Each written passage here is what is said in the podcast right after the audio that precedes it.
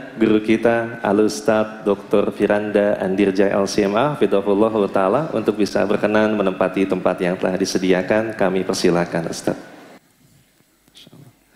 Assalamualaikum Ustaz. Waalaikumsalam. Silakan. Insya Allah Alhamdulillah.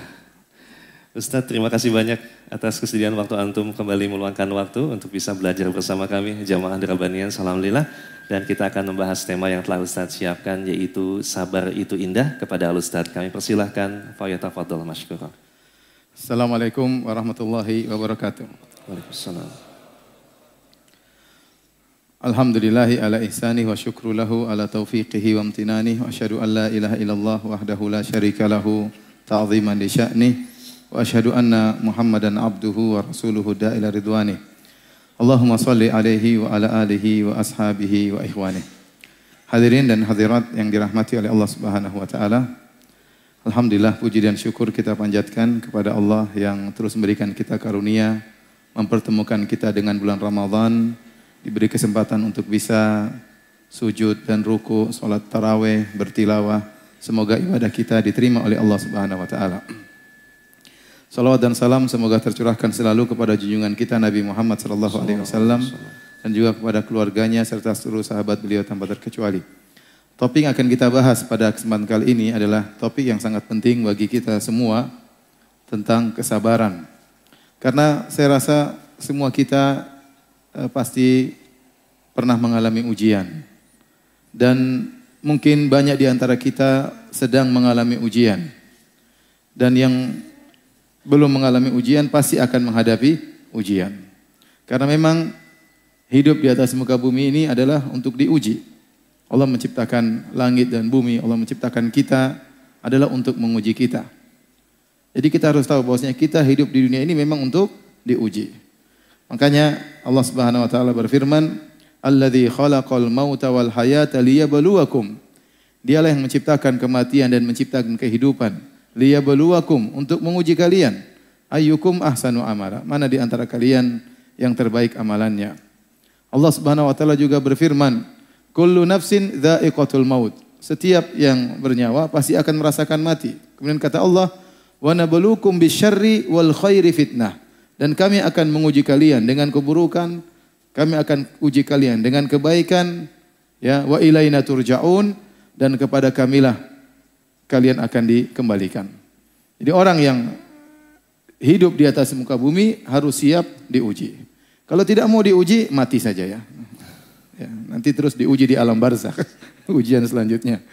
Ya, tapi di atas muka bumi pasti diuji, nggak mungkin nggak diuji. Siapa pun diuji. Ada orang diuji dengan suaminya, ada sebagian wanita diuji dengan suaminya. Suaminya kasar, suaminya tidak sayang sama dia, Tiap hari bilang mau poligami, mau poligami, mau poligami. Padahal tidak poligami, tidak poligami. Ini menyakiti hati istri ya. Ada seperti itu ya. Ada sebaliknya seorang diuji dengan istrinya ya. Hanya bisa nuntut, tidak melaksanakan kewajibannya sebagai istri. Ada uang abang disayang, tidak ada uang abang ditendang dan, dan ada orang diuji dengan orang tuanya sendiri, ada. Orang tua yang tidak sabar, banyak nuntut, maunya anaknya seperti ini, perbuatannya tidak dihargai. Ya, kalau sekolahnya tidak berhasil dimaki-maki, ada orang diuji orang tuanya. Ada orang diuji dengan anak-anaknya, anaknya nakal, narkoba dan macam-macamnya. Ada banyak wanita diuji dengan mertuanya. Ya. Jadi ujian menimpa siapa saja. Ya. E, dan ujian tatkala menerpa, bukan hanya menerpa orang-orang miskin saja atau orang rakyat jelata. Semua orang diuji. Orang kaya, orang miskin diuji. Ya. Orang terkenal nggak terkenal diuji. Ustadz nggak ustadz semuanya diuji. Laki-laki perempuan diuji. Antum jangan mengira bahwasanya hanya orang-orang kita rakyat jelata yang diuji. Para pejabat, para raja, para presiden mereka juga diuji. Mereka juga susah ya. Terkadang mereka juga stres ya. Terkadang mereka tidak bisa tidur ya. Saya contohkan saya punya kawan dia eh, orang Indonesia di Madinah kerja dulu sebagai eh, apa namanya tukang pijitnya gubernur Madinah. Jadi dia kadang-kadang naik mobil pribadi, kadang-kadang naik pesawat pribadi, ya, karena namanya apa? Eh, sang Amir, sang gubernur. Dia cerita waktu terjadi kasus di Madinah, uh, timbul orang-orang khawarij, orang-orang yang memberontak, kemudian membunuhi sebagian kaum muslimin. Terjadi tembak-tembakan di kota Madinah. Kata kawan saya itu sampai sang amir, sang gubernur tidak bisa tidur tiga hari. Sementara tukang pijitnya tidur tiap hari. jadi jadi ya semuanya diuji. Antum kira raja tidak diuji. Kadang kita lihat wajah raja, raja presiden, raja pejabat. Mungkin mereka ada kenikmatan tapi di balik itu mereka juga mengalami ujian, deg-degan, khawatir, ya macam-macam ya.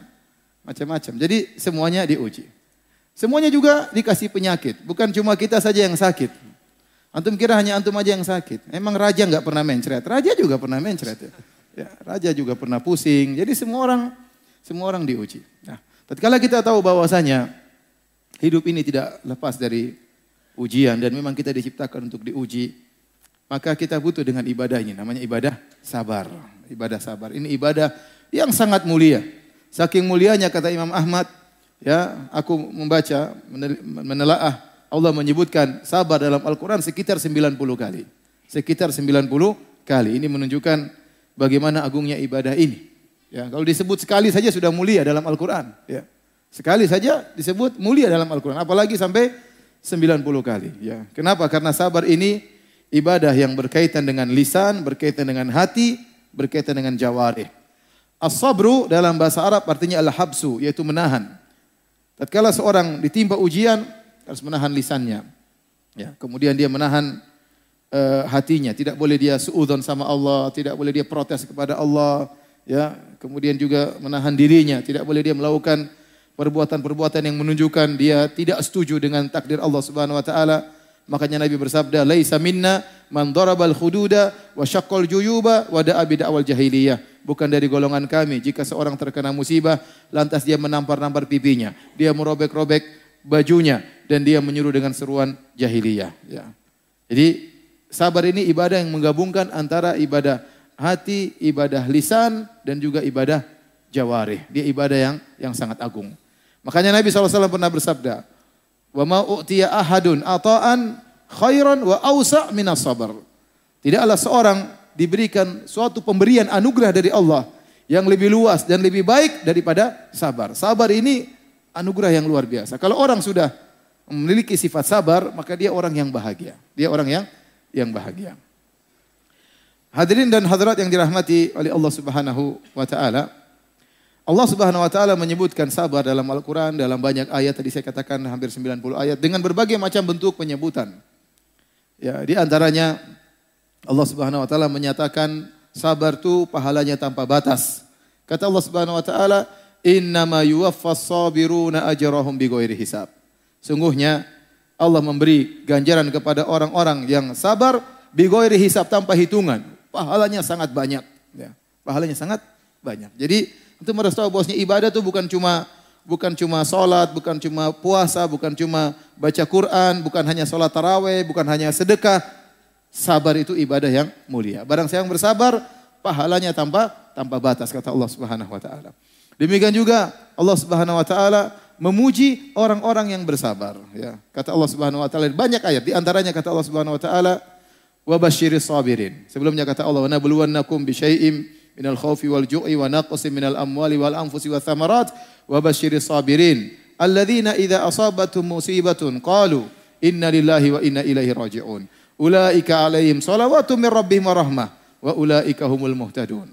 Kata Allah Subhanahu wa taala, sungguh kami akan menguji kalian dengan sedikit rasa takut, kelaparan, kekurangan harta, ada nyawa yang hilang dari kerabat yang kita cintai, kekurangan uh, hasil panen buah-buahan. Wabashiri sabirin, berilah kabar gembira kepada orang-orang yang sabar. Siapa mereka? Alladzina idza asabatuhum musibah. Kalau mereka ditimpa dengan musibah, apa saja? Idza asabatuhum musibah, ditimpa dengan musibah apa saja? Yang pertama kali mereka ucapkan inna lillahi wa inna ilaihi rajiun. Kami ini milik Allah dan kami akan kembali kepada Allah Subhanahu wa taala. Kata Allah, ulaika alaihim Salawatu min rabbihim rahmah. Mereka itulah orang-orang yang memperoleh keberkatan yang sempurna dari Allah. Mereka dipuji oleh Allah Subhanahu wa taala dan mereka mendapatkan kasih sayang Allah Subhanahu wa taala wa ulaika humul muhtadun dan mereka lah orang-orang yang mendapat petunjuk dari Allah Subhanahu wa taala. Allah puji mereka dengan pujian yang luar biasa. Di antaranya ayat-ayat menyebutkan bahwasanya orang yang bersabar bersama Allah Subhanahu wa taala. Kata Allah Subhanahu wa taala, "Wallahu ma'as sabirin." Dalam ayat yang lain, "Innallaha ma'as sabirin." Sungguhnya Allah bersama orang-orang yang sabar. Ya, kalau Allah bersama orang bersabar, artinya Allah akan menguatkan dia. Allah bersama dia bita'yid dengan pertolongan, ya.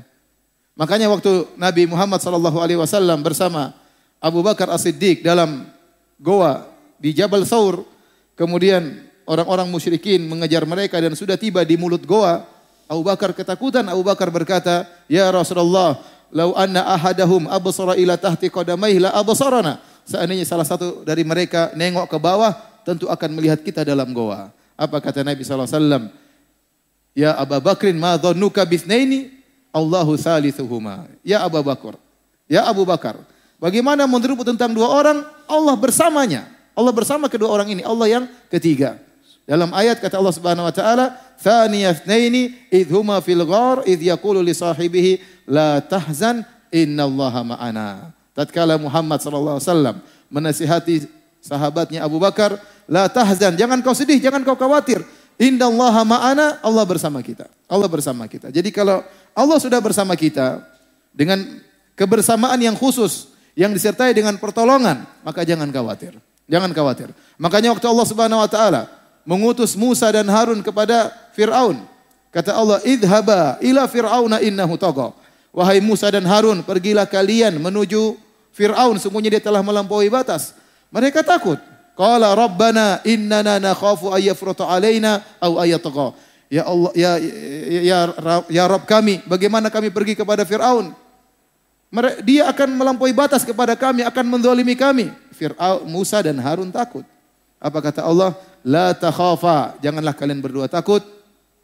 Innani ma'akuma, sungguhnya aku senantiasa bersama kalian berdua. Asma wa ara, aku selalu mendengar kalian dan aku selalu melihat kalian. Aku mengawasi kalian. Jadi, kalau Allah bersama seseorang, maka jangan khawatir Allah akan menolong dia. Salah satu cara agar Allah bersama kita, sabar. Sabar. Wallahu ma'as sabirin, innallaha ma'as sabirin. Allah bersama orang-orang yang yang sabar. Anda ingin dekat dengan Allah, ya bersabar. Di antara ayat yang menyebutkan tentang keutamaan sabar, Allah menjelaskan bahwasanya orang yang sabar dicintai oleh Allah Subhanahu wa taala. Kata Allah Subhanahu wa taala, "Wallahu yuhibbus sabirin." Allah mencintai orang-orang yang sabar. Betapa banyak orang ingin dicintai oleh Allah Subhanahu wa taala. Betapa banyak orang ngaku-ngaku cinta kepada Allah, tetapi cintanya bertepuk sebelah tangan. Dia ngaku cinta kepada Allah tapi Allah tidak cinta sama dia. Makanya Ibnu Qayyim rahimahullah taala punya perkataan yang sangat indah kata beliau, "Laisa sya'nu an tuhib wa inna ma sya'nu an tuhab." Perkaranya bukan engkau mencintai Allah, tapi perkaranya yang penting, apakah kau dicintai Allah? Apa kau dicintai oleh Allah tidak? Di antara cara agar Allah mencintai kita, adalah kita bersabar. Dan kalau Allah sudah mencintai seorang hamba, Allah tidak akan mengazabnya. Allah tidak akan mengazabnya. Maka raihlah kecintaan kepada Allah dengan bersabar karena Allah Subhanahu wa taala. Tentunya kalau kita mau sebutkan ayat-ayat tentang kesabaran sangat banyak, tadi disebutkan sampai 90 ayat, tentunya waktunya tidak akan cukup. Tapi itu saya sebutkan sebagian kecil dari ayat-ayat yang menjelaskan tentang keutamaan bersabar. Hadirin dan hadirat yang dirahmati oleh Allah Subhanahu wa taala. Tatkala kita berbicara tentang sabar, selalu konotasinya, selalu konotasinya adalah sabar dalam menghadapi perkara-perkara yang tidak kita sukai. Sabar dalam perkara-perkara yang tidak kita sukai. Padahal sabar itu ada tiga. Ya. Sabar itu ada tiga. Sabar dalam menjalankan ketaatan kepada Allah Subhanahu wa taala. Yang kedua, sabar dalam meninggalkan kemaksiatan dan yang ketiga, sabar menghadapi takdir Allah yang terkadang tidak kita sukai. Sabar terhadap musibah. Ternyata sabar itu ada ada tiga. Sabar dalam jalan ketaatan, sabar dalam meninggalkan kemaksiatan, dan sabar dalam menghadapi ujian. Sabar dalam menghadapi ujian. Uh, dari sinilah kita tahu bahwasanya sabar itu sangat mulia ya. Sampai-sampai Ibnu Qayyim menyebutkan bahwasanya sabar adalah nisful iman. Sabar adalah setengah keimanan. Para salaf mengatakan al-iman nisfan. Iman itu terdiri atas dua.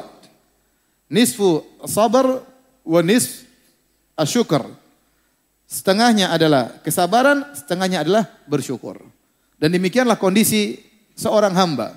Antara dua, mendapat kenikmatan atau diuji oleh Allah Subhanahu wa taala. Jika dia mendapat kenikmatan dia bersyukur. Jika dia diuji dia bersabar, maka sempurna imannya. Ya, sempurna imannya. Kata Allah kata Nabi sallallahu alaihi wasallam, "Ajaban li amril mu'min." Sungguh menakjubkan perkara seorang mukmin. Inna amrahu kullahu khair. Seluruh perkaranya adalah baik. In asabahu sarra syakara fakana khairal lahu. Kalau dia ditimpa dengan kenikmatan, kesenangan, maka dia bersyukur dan itu lebih baik baginya. Wa in asabahu dharra sabara fakana khairal lahu. Kalau ditimpa dengan perkara yang dia tidak sukai, penderitaan, kemudaratan, maka dia bersabar dan itu lebih baik baginya. Maka jika seorang bisa mengumpulkan antara syukur dan sabar, dia telah sempurna imannya. Oleh karenanya terkadang Allah menggandengkan keduanya. Kata Allah Subhanahu wa taala, "Inna fi dzalika laayatin likulli sabbarin syakur." Sungguh pada yang demikian itu ada tanda-tanda kebesaran Allah yang bisa ditangkap oleh siapa? Likulli sabbarin syakur. Bagi setiap orang yang penyabar dan bersyukur. Maka seorang mukmin berusaha menggabungkan dua sifat ini, bersyukur dan bersabar. Baik, kita kembali kepada uh, model-model kesabaran. Ada tiga. Dan masing-masing ini penting. Ya. Ya, yang pertama, sabar dalam menjalankan ketaatan. Ini berat. Ya. Menjalankan ketaatan tidak mudah. Ya. Salat lima waktu di masjid tidak mudah, butuh kesabaran. Menyuruh keluarga untuk salat juga tidak mudah. Makanya Allah mengatakan wa'mur ahlaka bis salati wastabir 'alaiha. Perintahkanlah keluargamu untuk sholat. Anakmu, istrimu, suruh sholat. Wastabir alaiha dan sabarlah. Sabar dalam menyuruh mereka sholat. Sabar dalam sholat. Butuh kesabaran. Sampai-sampai Allah menyebutkan di antara sebab masuk surga adalah sabar. Dalam menjalankan ketaatan. Allah sebutkan dalam dua ayat di antaranya dalam surat Ar-Ra'd dan dalam surat Al-Furqan. Dalam surat Al-Furqan kata Allah, Ulaika yujzaunal ghurfata bima sabaru. Mereka itulah orang-orang yang mendapatkan ganjaran al-ghurfa. Al-ghurfa itu tingkatan tinggi di surga. Kenapa? Bima sabaru karena kesabaran mereka. Demikian juga dalam surat Ar-Ra'd kata Allah Subhanahu wa taala, "Wal malaikatu yadkhuluna alaihim min kulli bab." Malaikat masuk ke pintu-pintu surga lalu mengucapkan keselamatan kepada para penghuni surga. Apa kata para malaikat? "Salamun alaikum bima sabartum." Keselamatan bagi kalian masuk surga karena kesabaran kalian. Kesabaran ini maksud apa? Kesabaran menjalankan ibadah. Di antaranya kesabaran karena menjalankan ibadah. Contohnya dalam surat Ar-Ra'd, Allah sebutkan ciri-ciri penghuni surga. Yang ini semua butuh kesabaran. Kata Allah Subhanahu wa taala, "Walladzina yufuna bi ahdillahi wa la yanquduna al-mitsaq." Eh, ciri-ciri penghuni surga yang pertama, orang-orang yang menunaikan janji mereka kepada Allah dan mereka tidak membatalkan janji mereka. Kalau ada orang sudah bernazar, sudah berjanji, sudah bersumpah, harus dia jaga dan ini butuh kesabaran. Ya kata Allah Subhanahu wa taala wahfadhu aimanakum, jagalah sumpah-sumpah kalian. Dia sudah berjanji sama Allah, maka dia kerjakan. Kemudian kata Allah, walladzina yasiluna ma amarallahu bi ayyusal. Dan orang-orang yang menyambung silaturahmi, yang Allah perintahkan dia untuk menyambung silaturahmi dan tidak mudah menyambung silaturahmi, butuh kesabaran. Di antara silaturahmi teragung berbakti kepada orang tua dan berbakti kepada orang tua juga butuh kesabaran. Makanya Nabi mengatakan, berbakti kepada orang tua dengan jihad. Fafihi fajahid. Tatkala ada seorang minta izin untuk berjihad, Nabi bertanya, "Ahayun walidak?" Apakah kedua orang tuamu masih hidup? Kata dia masih ya Rasulullah. Kata Rasulullah SAW, fafihi fajahid. Berjihadlah dalam berbakti kepada kedua orang tua. Karena berbakti kepada kedua orang tua butuh kesabaran. Sabar untuk menengok mereka. Sabar untuk ngobrol dengan mereka. Apalagi sekarang kita sok sibuk ya. So, sibuk sehingga terkadang lupa telepon orang tua, lupa mengunjungi orang tua, tidak sabar untuk ngobrol sama orang tua. Kalau telepon sama orang tua cepat-cepatan, butuh kesabaran. Ada rezeki berikan kepada orang tua, ini semua butuh kesabaran. Menyambung silaturahmi, berinteraksi dengan kakak, dengan adik, dengan sepupu, dengan tante. Ini juga butuh kesabaran. Betapa sering terjadi cekcok antara kakak dan adik. Cekcok antara sepupu, antara kak, tante dengan om. Ini butuh kesabaran. Sebagian orang mengeluh kepada saya, dia bilang, Ustadz, saya ini ya kalau kasih uang sama adik-adik saya, dibilang sombong. Dibilang sombong. Kalau enggak kasih uang, dibilang pelit. Subhanallah. Ya. Jadi sabar. Ya. Silaturahmi butuh apa? Kesabaran. Ya. Walladzina sabaru butigha'a wajhi rabbihim wa aqamus salata wa anfaqu mimma razaqnahum sirra wa alaniyah wa yadra'una bil hasanati sayyi'ah. Ini ciri-ciri penghuni surga. Orang-orang yang bersabar karena mengharap wajah Allah Subhanahu wa taala. Orang-orang yang mendirikan salat, yang berinfak, sedekah butuh kesabaran. Betapa banyak godaan ingin beli ini, ingin beli anu, butuh kesabaran. Ya. Kemudian membalas keburukan dengan kebaikan kata Allah juga sangat butuh kesabaran. Ini semua butuh kesabaran. Ini dalam surat Ar-Ra'd. Di akhir ayat kata Allah, malaikat berkata, "Salamun alaikum bima sabartum." Selamat masuk surga atas kesabaran kalian. Waktu Allah Subhanahu wa taala sebutkan tentang ciri-ciri ibadur rahman dalam surat Al-Furqan yang tadi diakhiri dengan ulaika yujzaunal ghurfata bima sabaru. Mereka itulah orang-orang yang ya diberi ganjaran gurfah, surga yang tinggi karena kesabaran mereka. Kita lihat apa ciri-ciri mereka? Semuanya butuh kesabaran. Wa ibadur rahmanil ladzina yamshuna 'alal ardi hauna. Hamba-hamba Ar-Rahman yang berjalan di atas muka bumi dengan tawadhu. Tidak sombong, tidak angkuh. Mentang-mentang punya rumah mewah, mentang-mentang punya mobil mewah, mentang-mentang punya motor mewah, berjalan sombong, angkuh, gagah-gagahan. Enggak, mereka bersabar. Kemewahan tidak membuat mereka menjadi sombong. Haunan, tawadhu di hadapan manusia yang lain. Ini butuh kesabaran. Betapa orang kalau punya kekayaan ingin apa? Ingin nunjukkan, punya kelebihan ingin nunjukkan. Tapi mereka bersabar. Kata Allah, "Wa idza khatabahumul jahiluna qalu salama." Kalau mereka diajak bicara sama orang-orang jahil yang mungkin menyakiti hati mereka, mereka bersabar, ya. Qalu salama. Taat kepada Allah, mereka tetap mengucapkan kata-kata yang baik. Walladzina yabituna li rabbihim sujada wa qiyama. Orang-orang yang di malam hari sujud, salat malam, butuh kesabaran. Tidak mudah orang bisa continue konsisten dalam salat malam, enggak enggak gampang, butuh kesabaran. Ya. Dan seterusnya, Allah sebutkan ciri-ciri mereka. Oleh karenanya saya katakan, menjalankan ketaatan butuh kesabaran. Butuh kekuatan iman. Saya selalu ingat tentang cerita Syekh Abdul Razak hafizahullah taala. Beliau bercerita tentang bagaimana seorang bersabar dalam sholat malam. Beliau cerita, saya punya guru orang Indonesia, kata Syekh Abdul Razak. Yang guru tersebut, saya tidak pernah mengenal dia dan dia tidak pernah mengenal saya. Tetapi saya sering mendoakan dia, meskipun saya tidak kenal dia. Bagaimana ceritanya Syekh Abdul Razak hafizahullah berguru sama orang Indonesia ini? Kata Syekh, dahulu di Masjid Nabawi, kalau sholat malam, jadi 10 hari terakhir mereka sholat Taraweh dua ronde. Ronde pertama 20 rakaat, ronde kedua 13 rakaat. Sekarang masih terus berlanjut. Tapi bedanya dulu, kalau ronde kedua yang 13 rakaat sampai 3 juz kalau tidak salah. Kalau sekarang cuma satu juz seperempat. Jadi ronde kedua kita sholat dari jam 1 sampai 3 seperempat. Itu saya dapat sejak tahun 2001 waktu saya ke Madinah.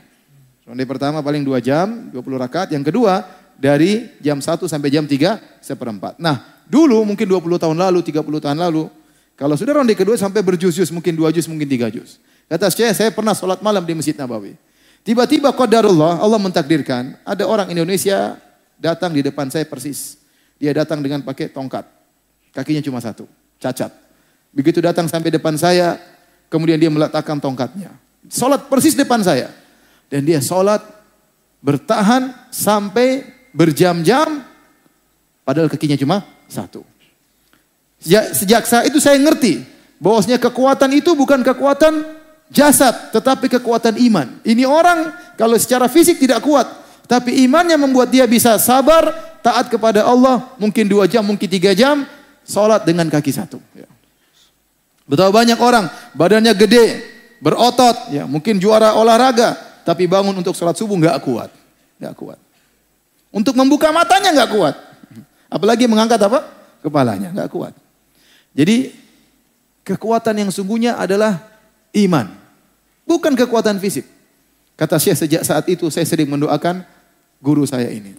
Dia tidak pernah mengenal saya, saya tidak pernah mengenal dia, tapi dia telah memberikan pelajaran yang besar bagi bagi saya. Oleh karenanya masalah ketaatan ini butuh kesabaran. Di antara cara mudah kita untuk sabar, ya, maka kata Allah wasbir nafsaka ma'alladina yad'una rabbahum. Bersabarlah kita cari teman. Jadi teman komunitas, kita kumpul-kumpul seperti ini ya. Dengan kita berteman dengan orang-orang yang soleh kita bisa bersabar, melihat mereka bertakwa, melihat mereka baca Quran, melihat mereka berusaha hafal Quran, melihat mereka berdakwah, mereka mengorbankan harta mereka untuk Allah, kita terpancing untuk bersabar. Kalau orang-orang pelaku maksiat, orang-orang kafir bersabar dalam kemaksiatan mereka, kenapa kita tidak bersabar? Allah sebutkan bagaimana orang-orang musyrikin mereka bersabar. Orang-orang non muslim, ya. Yaitu orang-orang kafir maksudnya ya. Ya. Karena non muslim sama dengan apa? Kafir ya. Non muslim sama dengan kafir. Boleh dibilang non muslim, boleh juga dibilang apa? Kafir. Enggak ada masalah. Non muslim sama dengan kafir di akhirat di non surga ya. Non surga ya, non surga. Nanti di non surga juga non stop ya. Non Jadi uh, Allah sebutkan tentang orang-orang musyrikin ya. Mereka berkata, Allah berfirman, "Wan talaqal mala'u minhum animshu wasbiru ala alihatikum." Berjalanlah sebagian mereka memberi nasihat. Sabarlah, sabarlah, sembahlah Tuhan-Tuhan kalian, sabar. Wasbiru ala alihatikum. Mereka saling berwasiat tawasi bis sabar. Saling berwasiat untuk sabar dalam apa? Dalam menyembah berhala-berhala mereka. Allah dalam Al-Quran. Kemudian juga dalam surat Al-Furqan kata Allah Subhanahu wa taala, "Wa idza ra'auka iyattakhidunaka illa huzwan, ahadha alladhi ba'atha Allahu rasula in kada la yudilluna an alihatina laula an sabarna 'alaiha." Jika mereka melihat engkau wahai Muhammad, mereka berkata, mereka mengejek engkau. Mereka berkata, masa ini Rasul yang diutus oleh Tuhan, Rasul kayak begini itu sama Tuhan. Ingkada la yudhilluna. Hampir-hampir Muhammad ini menyesatkan kita. Laula an sabarna alaiha. Kalau bukan kita bersabar untuk syirik sama Tuhan-Tuhan kita.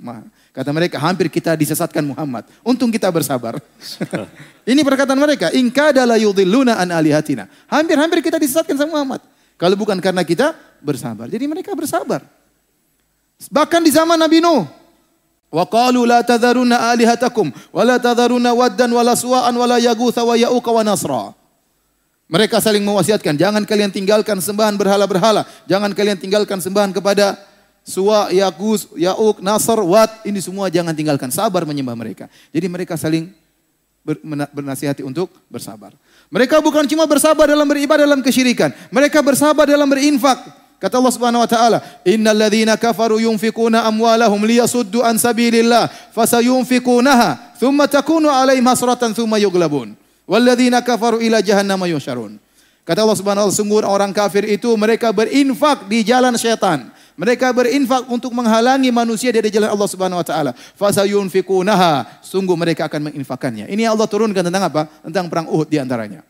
Jadi waktu kaum musyrikin kalah dalam perang Badar pada tahun dua Hijriah, mereka sabar setahun. Mereka kumpulkan duit, mereka berinfak untuk balas dendam. Setahun mereka bersabar untuk menyerang Rasulullah SAW di kota Madinah. Allah sebutkan bagaimana mereka bersabar berinfak setahun penuh.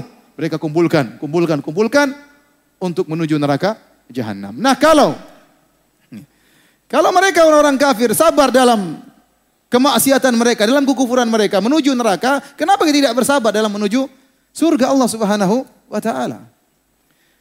Ada seorang, saya dengar ceramah seorang syekh dari Arab, dia berkata, jadi seorang syekh berjalan ke belantara Afrika ingin berdakwah. Dia ingin berdakwah di pedalaman Afrika.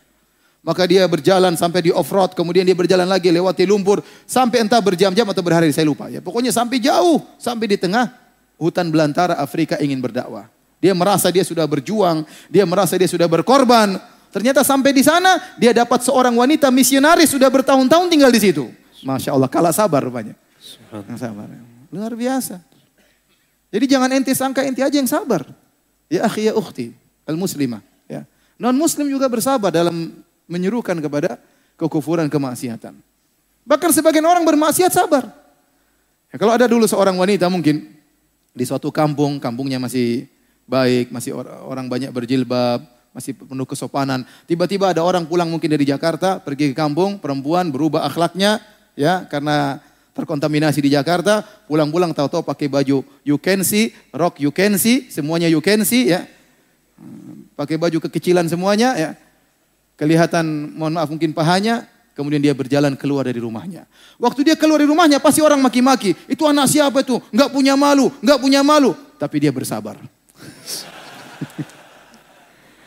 Dia bersabar, bersabar, bersabar, akhirnya banyak pengikutnya. Jadi hadirin, hadirin Allah Subhanahu wa taala, kita ini bersabar dalam ketakwaan yang pelaku maksiat aja bersabar. Kenapa kita tidak bersabar dalam jalan ketaatan? Ini sabar yang pertama. Ya sabar dalam jalan ketaatan. Yang kedua adalah sabar dalam meninggalkan maksiat. Ini juga sangat luar biasa. Ini sabar dalam meninggalkan maksiat ini berat terutama zaman now. Ya. Terutama zaman now, cewek-ceweknya cewek-cewek zaman now. Laki-laki terutama hati-hati ya. Zaman sekarang zaman fitnah. Butuh kesabaran meninggalkan maksiat, butuh kesabaran menundukkan pandangan. Ya. Butuh kesabaran menundukkan pandangan. Ini butuh kesabaran ekstra luar biasa terutama zaman zaman sekarang ya. Karena meninggalkan maksiat ini ya tidak tidak mudah. Sekarang fitnah di mana-mana. Oleh karenanya ya Contoh yang paling indah adalah contoh yang disebut oleh Allah Subhanahu wa dalam Al-Qur'an tentang Yusuf alaihissalam. Antum sering dengar bagaimana Yusuf diuji. Alaihissalam diuji dengan ujian yang luar biasa. Sampai kata para ulama, di antaranya Syekhul Islam Ibnu Taimiyah rahimahullah taala, ujiannya Yusuf waktu dilempar di sumur masih lebih ringan daripada dia diuji waktu digoda oleh Zulekha. Kenapa? Waktu dia dilempar di sumur itu dia ittirari, terpaksa, dia tidak ada pilihan lain. Sehingga dilempar dalam sumur terpaksa bersabar. Tetapi tatkala diuji oleh Zulekha dia punya pilihan. Pilihan meninggalkan maksiat atau pilihan bermaksiat. Sabrun ikhtiari disebut dengan sabar pilihan. Nah sabar pilihan lebih afdal daripada sabar ittirari, sabar terpaksa. Ibnu Taimiyah sebutkan bahwasanya sabarnya Yusuf waktu digoda oleh Zulekha lebih afdal daripada sabarnya waktu dilempar dalam apa? Dalam sumur. Kenapa waktu dia diuji oleh Zulekha, diuji dengan berbagai macam ujian. Di antaranya Zulekha sangat cantik jelita, dia adalah istri menteri. Tidak mungkin menteri pilih istri jelek. Itu menteri nggak beres kalau pilih istri yang jelek ya. Pasti dia milih istrinya cantik. Zulekha ini pasti cantik. Sudah dia cantik, kemudian dia menghiasi dirinya dengan kecantikan. Cantik di atas kecantikan, cahaya di atas cahaya. Zulekha. Kemudian tidak ada yang lihat. Wa ghallaqatil abwab. Semua pintu-pintu sudah dia kunci. Yang pegang kuncinya si Zulekha. Coba. Enggak ada yang lihat, santai aja. Mau maksiat enggak ada yang yang lihat. Kemudian apa lagi? Dia yang merayu, Zulekha yang merayu. Ya akhi betapa banyak laki-laki dia enggak dia malu goda perempuan, dia enggak pede. Tapi waktu perempuan yang mulai goyang dia.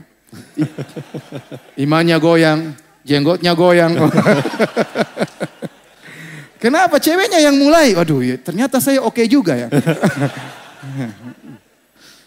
Subhanallah, belum lagi Yusuf tampan. Orang tampan pede. Ya tidak? Kalau nggak tampan ya udah malu-malu minder. Kalau pak tampan depan perempuan pede ya.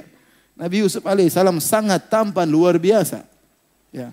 Berbagai macam godaan. Belum lagi Nabi Yusuf masih muda.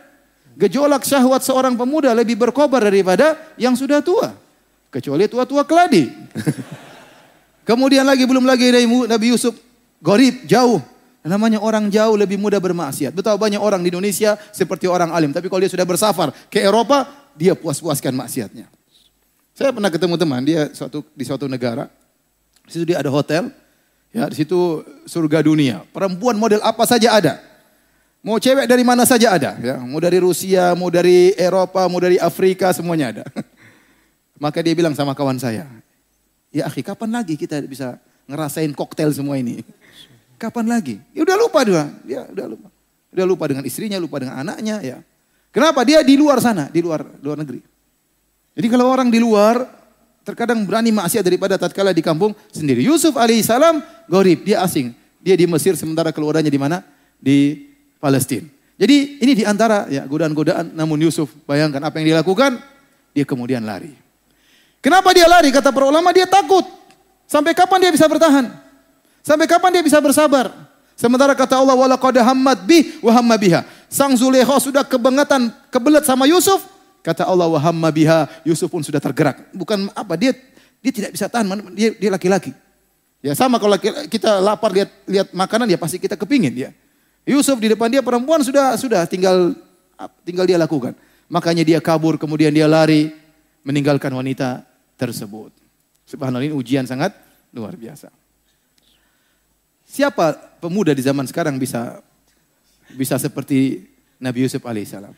Subhanallah. Jangankan digoda sama perempuan cantik, sama perempuan pas-pasan aja KO dia. Apalagi kata orang, ya rumput tetangga lebih hijau. Benar. Istri kita cantik ya, kita lihat perempuan mungkin kurang cantik. Tapi setan membuat menghiasi seakan-akan perempuan yang kurang cantik itu lebih cantik daripada istri kita. Padahal istri kita lebih cantik. Sehingga kita lihat lebih cantik perempuan daripada istri kita. Apalagi kalau ternyata lebih cantik dari istri kita. lebih bahaya lagi. Jadi luar biasa ya. ya. Tapi ada cerita. Ini cerita di kejadian di Universitas Madinah. Saya diceritain sama kawan saya. Saya tidak menghadiri kejadian tersebut. Tapi saya diceritain oleh kawan saya orang Libya. Jadi kita di Madinah. Eh, orang-orang tinggal sekamar, satu kamar tiga orang, ada empat orang. Dan biasanya di, dicampur. Tidak boleh Indonesia semuanya. Enggak. Kalau Indonesia semuanya nanti bahasa Arab tidak berkembang. Ngomongnya Indonesia terus ya. Jadi dicampur. Saya dulu tetangga saya satu kamar itu dikasih petak-petak. Saya tetangga saya orang Afrika sama orang Bangladesh ya. Terkadang ganti, ini ganti tangga orang Sudan dan macam-macam. Nah, ada suatu uh, ruangan di situ kamar. Kebetulan di situ ada Afrika, satu kamar dengan orang Rusia. Dan kita belajar di sana sembilan bulan. Sembilan bulan nanti baru libur tiga bulan. Saya waktu sudah berkeluarga. Jadi saya pergi di Madinah, kemudian saya belajar sembilan bulan. Sedih luar biasa meninggalkan istri sembilan bulannya. Antum tidak merasakan. Nanti setelah itu tiga bulan baru saya ketemu istrinya. Nanti setelah tiga bulan lagi happy-happynya balik lagi sembilan bulan. Berat. Terus saya pulang lagi tiga bulan sudah punya anak. Alhamdulillah. Masya Allah. Ya, kadang-kadang saya mau telepon istri, zaman dulu orang tidak punya telepon, telepon harus pakai wartel dan itu mahal, satu menit 14 real dulu. Bayangkan, duit kita berapa satu empat real. Supaya murah, saya bangun tengah malam, jam 2 saya telepon. Bukan buat sholat malam, buat telepon istri. Kenapa? Karena kortingannya 50 persen. Jadi intinya ini sekedar intermezzo aja. Kemudian intinya, satu kamar ini ada Afrika, ada Rusia. Biasa kalau kita mau pulang, kita beli oleh-oleh buat istri. Saya biasa belikan abaya, belikan cadar, beli macam-macam buat istri. Uh, tiga bulan libur. Nah, Orang Rusia ini sekamar dengan orang Afrika. Orang Rusia ini dia ingin pulang maka dia beli oleh-oleh buat istrinya. Belilah dia cadar dan baju abaya. Rupanya dia pakai di kamar. Dia tes. Rusia, mungkin jenggot panjang sekali ya tes. Pakai tes dia pakai cadar. Dia lagi pakai baju cadar, pakai tahu-tahu temannya Afrika datang. Maka dia goda, bercanda dia. si Afrika ketakutan. Lah, enggak, enggak. Enggak katanya. Masya Allah, Yusuf Afrika. Sampai sebagian teman menggelarinya Yusuf Afrika. Dia lari-lari-lari ketakutan. Masya Allah. Ada di zaman sekarang. Ya. Luar biasa. Jadi para hadirin hadirat yang mati Subhanahu wa taala. Sabar, meninggalkan kemaksiatan di zaman sekarang tidak mudah. Berat. Berat. Tapi kita perlu perjuangan agar kita bisa menghindarkan diri daripada kemaksiatan tersebut. Ada beberapa hal disebut oleh para ulama. Bagaimana agar kita bisa menghindarkan diri daripada maksiat. Ini berat, tapi kita harus hadapi. Bersabar dari kemaksiatan bisa ditempuh dengan tiga perkara. Pertama, karena takut kepada Allah. Yang kedua, karena uh, malu kepada Allah dan yang ketiga karena cinta kepada Allah. Tiga ini. Pertama karena takut, yang kedua karena malu, yang ketiga karena cinta. Tiga-tiganya bisa membuat kita bisa membuat kita menghindarkan maksiat. Yang pertama, kita meninggalkan maksiat takut kepada Allah. Jangan-jangan kita sedang bermaksiat atau tahu meninggal dunia. Betapa banyak orang meninggal dunia sedang berzina. Sedang berzina atau tahu Allah cabut nyawanya. Ya, betapa banyak orang sedang minum khamar, Allah cabut nyawanya. Ya.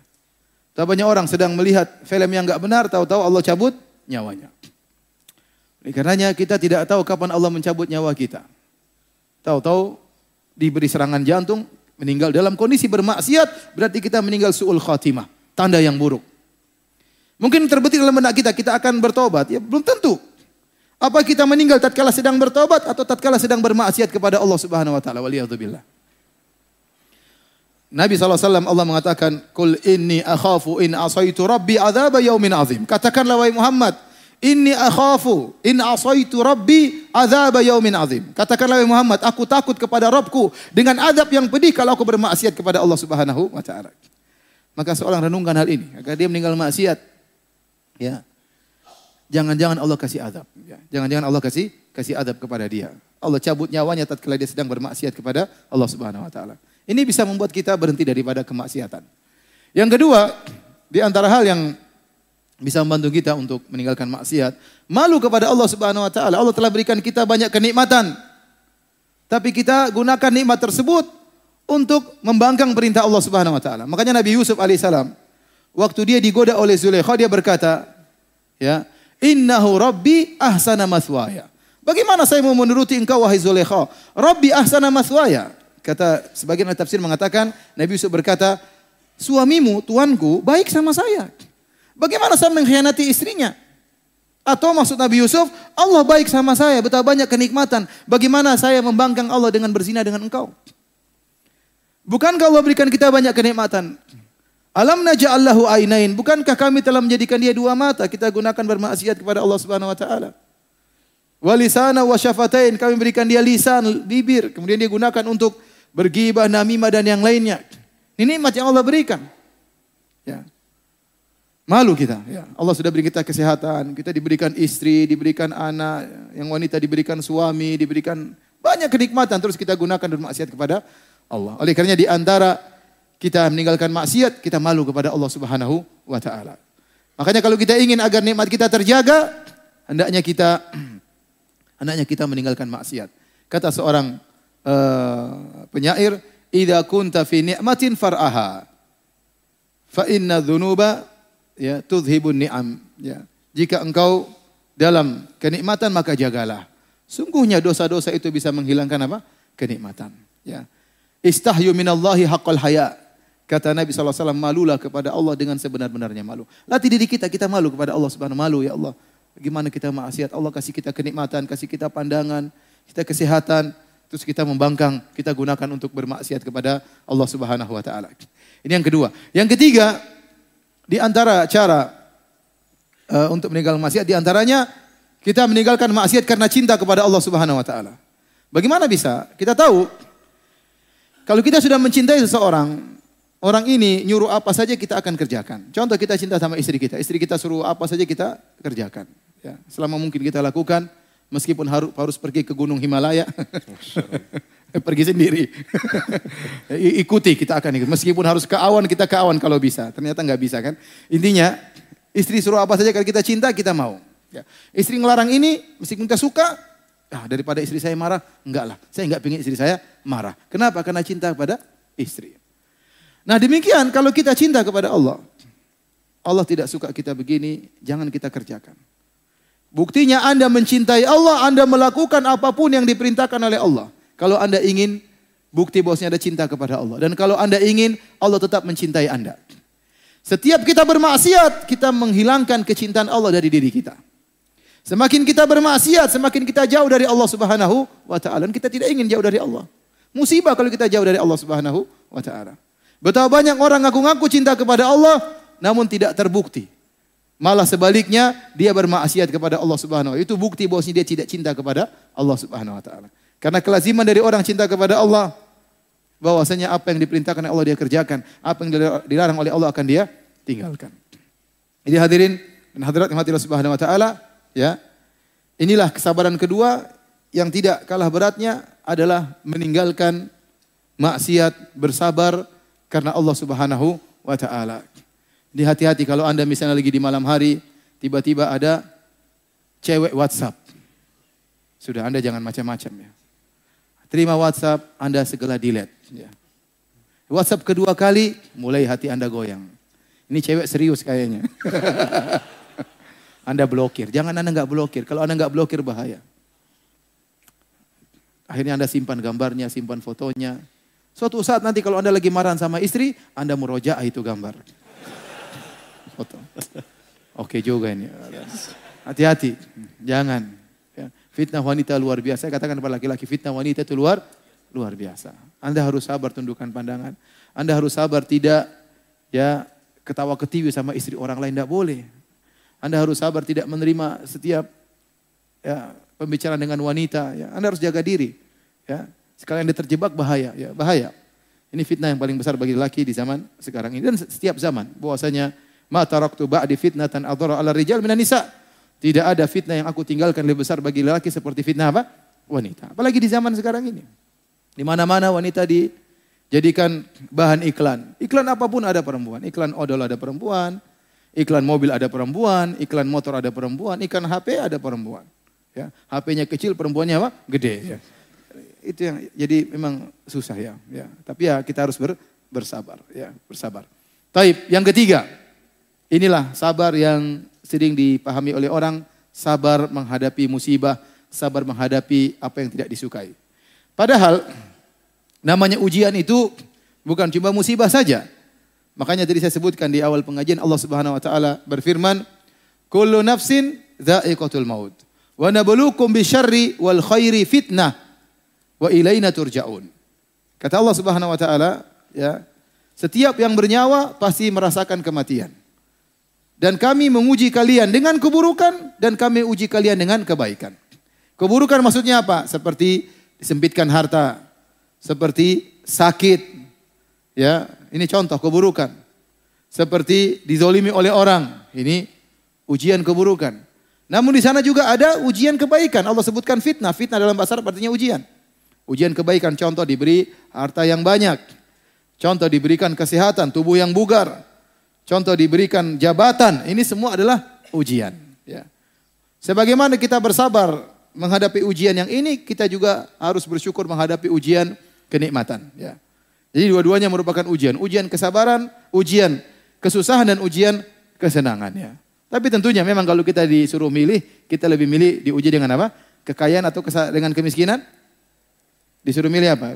Uji uji dengan kekayaan atau kemiskinan? Kekayaan. Itu sudah otomatis ya.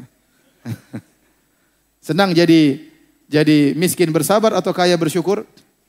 Kaya bersyukur ya. Itu sih maunya kita tapi pinginnya kaya seperti Nabi Sulaiman ya. Kaya nanti mati masuk surga. Nabi Sulaiman enak, kaya raya, raja, istri banyak, mati masuk apa? Surga. Namun sering tidak demikian ya. Tidak sesuai dengan keinginan kita. Tapi intinya dia sedang berbicara tentang sabar tatkala terkena musibah yang tidak kita sukai. Ingatlah para hadirin hadirat yang dirahmati oleh Allah Subhanahu wa taala, bahwasanya seorang semakin beriman, semakin tinggi ujiannya. Ibarat pohon semakin tinggi, semakin diterpa oleh angin. Oleh kerana orang yang paling berat ujiannya adalah orang-orang yang semakin beriman. Kata Nabi SAW, Asyadun nasi balaan al-anbiya. Orang yang paling berat ujiannya adalah para nabi. Thumma salihun, kemudian orang-orang saleh. Thummal amsal fal amsal, kemudian selanjutnya dan selanjutnya. Yubtala rajulu ala qadri imanihi. Seorang diuji berdasarkan tingkatan imannya. In kana fi imanihi salabatun zida fi balaihi. Kalau ternyata imannya kokoh waktu diuji, Allah tambah lagi ujiannya. Wa in kana fi imanihi riqatun khufifa anhu. Tatkala diuji imannya lemah, Allah turunkan level ujiannya. Idza ahabballahu qauman ibtalahum. Kata Nabi jika Allah mencintai sebuah kaum, Allah akan uji mereka. Ya. Jadi iman sesuai dengan ujian sesuai dengan kadar keimanan. Makanya kalau antum tanya siapa orang paling diuji? Nabi Muhammad SAW. Ujiannya luar biasa. Saya ceritakan sebagian ujian Nabi SAW. Biar antum tahu bahwasanya masuk surga tidak semudah yang dibayangkan. Perlu perjuangan. Nabi SAW lahir dalam kondisi yatim. Sudah nggak punya bapak. Kemudian dia dipelihara di Taif bersama ibu susuannya.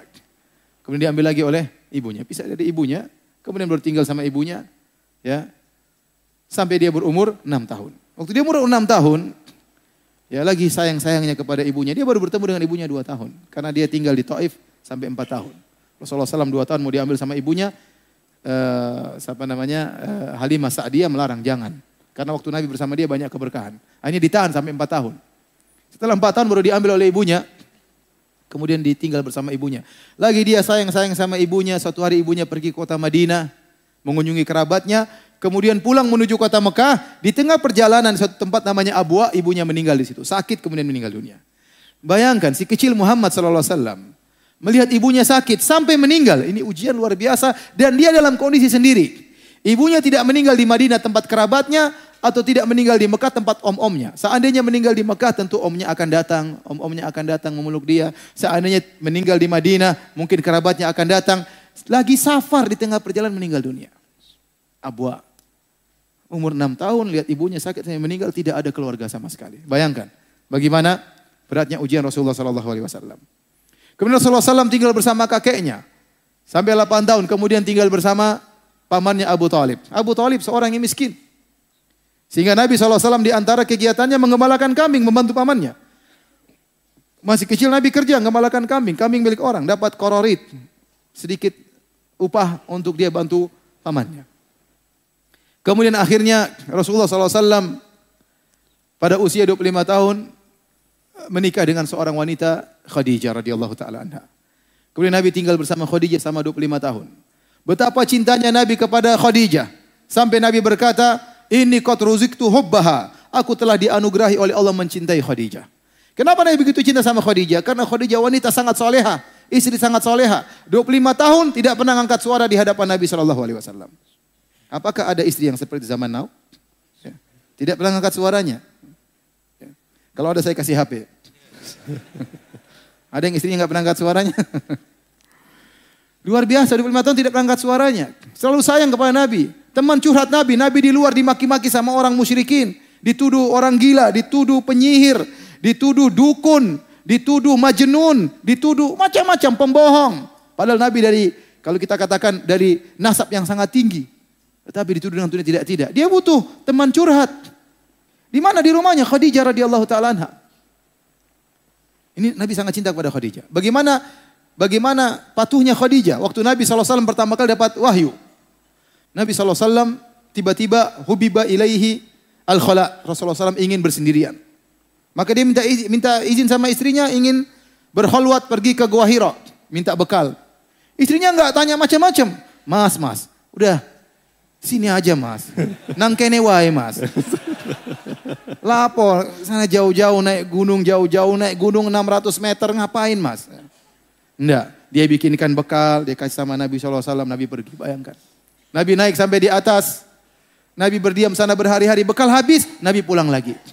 Minta bekal lagi, Khadijah bikin lagi, subhanallah. Selamat jalan suamiku, pergi lagi, bekal habis, pulang lagi, minta kasih lagi, enggak protes. Enggak protes, subhanallah. Ya. Kemudian sampai akhirnya Nabi di Gua Hira, kemudian malaikat Jibril datang memeluknya, melepasnya meluknya, Nabi ketakutan. Sampai Nabi gemetar. Nabi pulang. Pulang dari gunung ketakutan ketemu istrinya. Nabi berkata langsung, Zammiluni, zammiluni. Selimuti aku, selimuti aku, wahai istriku. Khadijah juga tidak banyak ngomong. Langsung ambil selimut. Subhanallah. Tidak mengatakan, apa dulu mas? Tunggu dulu mas. Apa ada mas? Tunggu mas, sebentar mas. Tunggu dulu. Saya kan sudah bilang, ngapain ke sana? Coba begini akhirnya. Makanya nurut sama istri. Jangan bilang gue banget ya, jangan. Jadi bayangkan luar biasa. Ambil selimut, selimut selesai.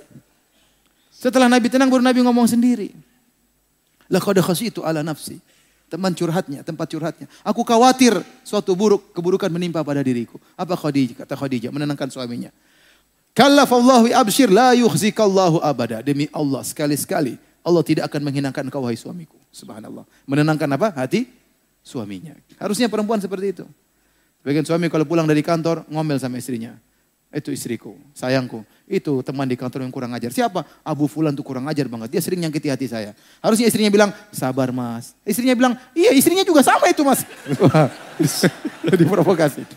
Jadi mau saya, ini saya ingin menggambarkan bagaimana cintanya Nabi kepada Khadijah. Di saat-saat dia lagi diintimidasi oleh orang musyrikin. Sekitar tiga tahun sebelum hijrah. Itu puncak-puncaknya kaum musyrikin mengintimidasi Nabi SAW. Keras terhadap sahabat. Di saat puncak-puncaknya Nabi sedang dalam kesulitan, istri yang dia cintai meninggal dunia. Bayangkan. Bagaimana Nabi begitu sedih. Sampai para ulama menyamakan, menamakan tahun tersebut dengan tahun kesedihan. Tidak lain karena Nabi SAW mengalami kesedihan istrinya meninggal. Kemudian tidak lama pamannya, Abu Talib yang selama ini membela dia juga meninggal dunia. Ini ujian Nabi SAW. Nabi SAW punya anak tujuh. Enam dari Khadijah, satu dari Maria. Semuanya meninggal, semuanya meninggal di zaman Nabi. Kecuali satu Fatimah. Fatimah radhiyallahu anha meninggal enam bulan setelah wafatnya Nabi SAW. Yang lainnya meninggal di zaman Nabi. Bayangkan seorang diuji dengan anaknya meninggal satu persatu. Kita ingin tahu ujian Nabi SAW. Ruqayyah meninggal, Ummu Kulsum meninggal, Zainab meninggal. Sebelumnya Abdullah Qasim anaknya laki-laki meninggal. Dan terakhir siapa? E, Ibrahim. Ibrahim masih kecil. Ya, Nabi sangat sayang karena Nabi sudah tidak punya anak laki-laki, tahu-tahu lahir Ibrahim. Nabi sangat sayang kepada Ibrahim. Meninggal waktu masih belum umur dua tahun. Di pangkuan Nabi Shallallahu Alaihi Wasallam. Dia sakit, menggeliat kesakitan, wafat di hadapan Nabi Shallallahu Alaihi Wasallam. Bayangkan di pangkuan Nabi. Sampai Nabi Shallallahu Alaihi Wasallam menangis. Nabi berkata, Innal qalba la. Sungguh hati ini sangat bersedih. Wa innal aina la tadma dan sungguh mata ini mengeluarkan air mata. Wala naqulu illa bima yurdi rabbana. Namun kami tidak mengucapkan kata-kata kecuali yang mendatangkan keriduan Rabb kami. Wa inna bi firaqika ya Ibrahim la mahzunun. Sungguh kami dengan kepergianmu wahai putraku Ibrahim sangat bersedih. Ini ujian Nabi SAW. Belum ujian yang lain. Nabi SAW tadi dituduh dengan orang gila, dukun, apalah. Saya aja nggak pernah diuji seperti itu. Paling dikatakan ya mungkin gila, kadang-kadang ya. Dikatakan pendusta, kadang-kadang. Tapi belum ada yang bilang saya penyihir. Belum ada yang bilang saya dukun ya. Mudah-mudahan nggak ada ya. Tapi Nabi dibilang dukun, penyihir, majnun, tersihir. Bayangkan, bilang penyihir dibilang tersihir juga. Dibilang pendusta, dibilang so, sobi, berbagai macam tuduhan kepada Nabi SAW.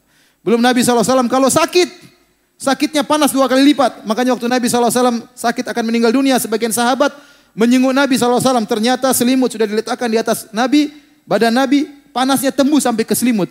Sahabat pegang selimut panas sekali. Inna kalatu aku wakan syadidan. Ya Rasulullah, sungguhnya engkau ditimpa dengan panas yang berat. Kata Nabi benar, kami para ambia dikasih sakit dua kali lipat daripada kalian. Kenapa bisa demikian? Karena pahala kami dua kali lipat. Nabi kalau sakit panasnya luar luar biasa. Nabi pada tahun 7 Hijriah diracun sama seorang wanita Yahudi. Intinya ujian Nabi sangat banyak. Ya, berdakwah dilempar sampai di Taif. Bayangkan waktu Nabi berdakwah di Taif. Nabi waktu keluar dari Taif, dihina oleh orang-orang Taif. Bagaimana menghinanya? Dihadirkan anak-anak kecil sama orang gila, menyambut Nabi keluar dari Taif. Kemudian dilempari sama kerikil. Itu cara mereka menghinakan seseorang. Sementara Nabi adalah cucu dari penguasa kota Mekah, cucunya Abdul Muttalib. Dihinakan seperti itu.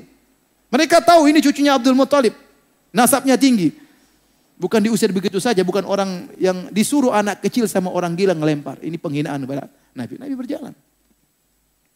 Nabi tatkala perang Uhud sampai terluka, sampai darahnya keluar dari pipinya, sampai giginya patah, sampai Fatimah radhiyallahu anha ingin mencuci darah dari pipi Nabi tidak berhenti-berhenti sampai akhirnya ada suatu yang tumbuhan dibakar baru dimasukkan dalam lubang di pipi Nabi sallallahu alaihi wasallam baru berhenti darah. Jadi ujian sangat sangat banyak ya. Ini ini menunjukkan bahwasanya seorang beriman semakin tinggi imannya, semakin banyak ujiannya. Makanya Imam Syafi'i rahimahullah taala punya satu syair yang menunjukkan dia banyak ujian. Meskipun dia tidak ungkapkan ujiannya apa. Tapi dia berkata dalam syairnya, Mihanuz zamani kathiratun la tanqadi wa sururuhu ya'tika kal a'yadi. Sungguhnya ujian kehidupan zaman ini datang begitu banyak silih berganti, tidak berhenti-berhenti. Adapun kesenangan datang kepada datang kesenangan datang sesekali seperti hari raya. Hari raya cuma sekali-sekali. Ini menunjukkan Imam Syafi'i diuji dengan ujian yang sangat yang sangat banyak. Rahimahullahu taala. Oleh karenanya para hadirin dan hadirin Allah Subhanahu wa taala seorang ya beriman pasti diuji. Tidak mungkin dia tidak di, diuji, ya. Pasti diuji, ya. Dengan ujian yang Allah kehendaki bagi dia dalam rangka untuk mengangkat derajatnya atau dalam rangka untuk menghapuskan uh, dosa-dosanya. Maka pada kesempatan kali ini saya akan menyebutkan beberapa perkara yang kita semoga bisa bersabar tatkala diberi ujian oleh Allah Subhanahu wa taala. Perkara-perkara tersebut yang pertama, kalau kita dikenai musibah oleh Allah Subhanahu wa taala, kita harus yakin bahwasanya musibah ini sudah ditakdirkan oleh Allah. Sudah dicatat di Lauhil Mahfuz. Kata Nabi SAW, Inna Allah kataba maqadir al-khalaiq qabla an yakhluqa samawati wal ardi bi khamsina alfasana. Sungguhnya Allah telah mencatat takdir seluruh makhluk 50 ribu tahun sebelum Allah ciptakan langit dan bumi. Tidak mungkin kita terhindar dari musibah tersebut. Kata Nabi SAW, Wa asabaka lam yakun. Kalau ada sesuatu yang menimpamu tidak mungkin meleset darimu, tidak mungkin kau bisa menghindar. Wa lam yakun. Kalau ada yang tidak mengenaimu tidak akan mengenaimu. Ya, jadi kalau sudah ditakdirkan oleh Allah musibah ini pasti terjadi nggak mungkin kita menghindar, nggak mungkin, nggak mungkin kita menghindar. Tahu-tahu ternyata kita didolimi orang, tahu-tahu mobil kita dicuri orang, ya sudah, ini sudah ditakdirkan. 50 ribu tahun bukan sebelum kita diciptakan. Sebelum Allah menciptakan langit dan bumi. Sudah ditakdirkan si fulan pada hari ini mobilnya dicuri. Kalau antum pulang ke rumah tahu-tahu istri antum ngomel-ngomel. Antum bilang sudah ditakdirkan. 50 ribu tahun sebelum Allah menciptakan langit dan bumi, memang ditakdirkan kau ngomel sama saya. Sudah ditakdirkan, sudah ente tenang. Enggak terlalu marah-marah, udah udah ditakdirkan, sabar. Enggak mungkin kita menghindar dari ya takdir tersebut. Namun jangan disalahpahami. Bukan berarti kalau kita bersabar kita pasrah, ini salah paham. Kita terkena musibah, kita berusaha menghadapi musibah tersebut. Contoh, kalau kita sakit bukan berarti pasrah, berobat. Tadawu ibadallah, berobatlah kalian. Makanya sabar itu bukan sama dengan pasrah, bukan. Sabar itu nerima takdir Allah, tidak protes, namun berusaha cari solusi, itu sabar. Makanya Allah mengatakan kepada Nabi Muhammad SAW, Wasbir kama sabara ulul azmi minar rusul. Bersabarlah engkau wahai Muhammad, sebagaimana para rasul ulul azmi. Nah, azm dalam bahasa Arab itu tekad. Tekad. Nah, para rasul disifati oleh Allah dengan dua, sabar dan ulul azm. Sabar dan pemilik tekad yang kuat. Kata para ulama itu dalil bahwasanya sabar itu bukan menghilangkan tekad. Orang bersabar terkena musibah, dia berusaha cari solusi. Kalau dia dapati istrinya akhlaknya buruk, bukan kemudian dia pasrah. Dia berusaha dakwah istrinya, dia ajak ke pengajian, dia nasihati. Tapi kalau istrinya ngomel ya dia sabar. Sabar. Sudah tercatat 50 ribu tahun sebelum Allah ciptakan langit dan apa? Bumi. Sama kalau suaminya ya jahat atau sering menyakiti, sudah ditakdirkan, mau diapain? Tapi bukan berarti kita pasrah. Kita pasrah terhadap takdir Allah, tapi kita berusaha mencari solusi. Ini yang pertama. Kalau kita beriman dengan takdir, perkara lebih ringan. Orang mencaci maki kita, orang menghina kita, orang tuduh kita dengan tuduhan yang tidak-tidak, mau diapain? Sudah ditakdirkan. Tidak bisa kita menghindar. Ma asabaka lam yakun liyukhtiak. Apa yang menimpamu tidak bisa kau hindari kata Nabi sallallahu alaihi wasallam. Baik, ini yang pertama. Mudahkan kita untuk bersabar. Yang kedua para hadirin, agar kita mudah bersabar. Yakinlah bahwasanya segala musibah yang menimpa kita, kalau kita bersabar menghadapinya, kita akan mendapatkan dua kemuliaan. Pertama, dosa-dosa kita dikurangi. Yang kedua, derajat kita ditinggikan. Tidaklah musibah menimpa kita ini kecuali akibat ulah perbuatan kita. Kata Allah Subhanahu wa taala, "Wa ma asabakum min musibatin fabima kasabat aydikum." Tidak ada musibah yang menimpa kalian, musibah apa pun kecuali akibat ulah perbuatan kalian. Sampai ulama mengatakan semuanya, ente gelisah, ente sedih, Anda ketakutan, apa saja musibah, sampai musibah-musibah kecil yang menurut kita ringan itu musibah. Itu semua karena dosa-dosa.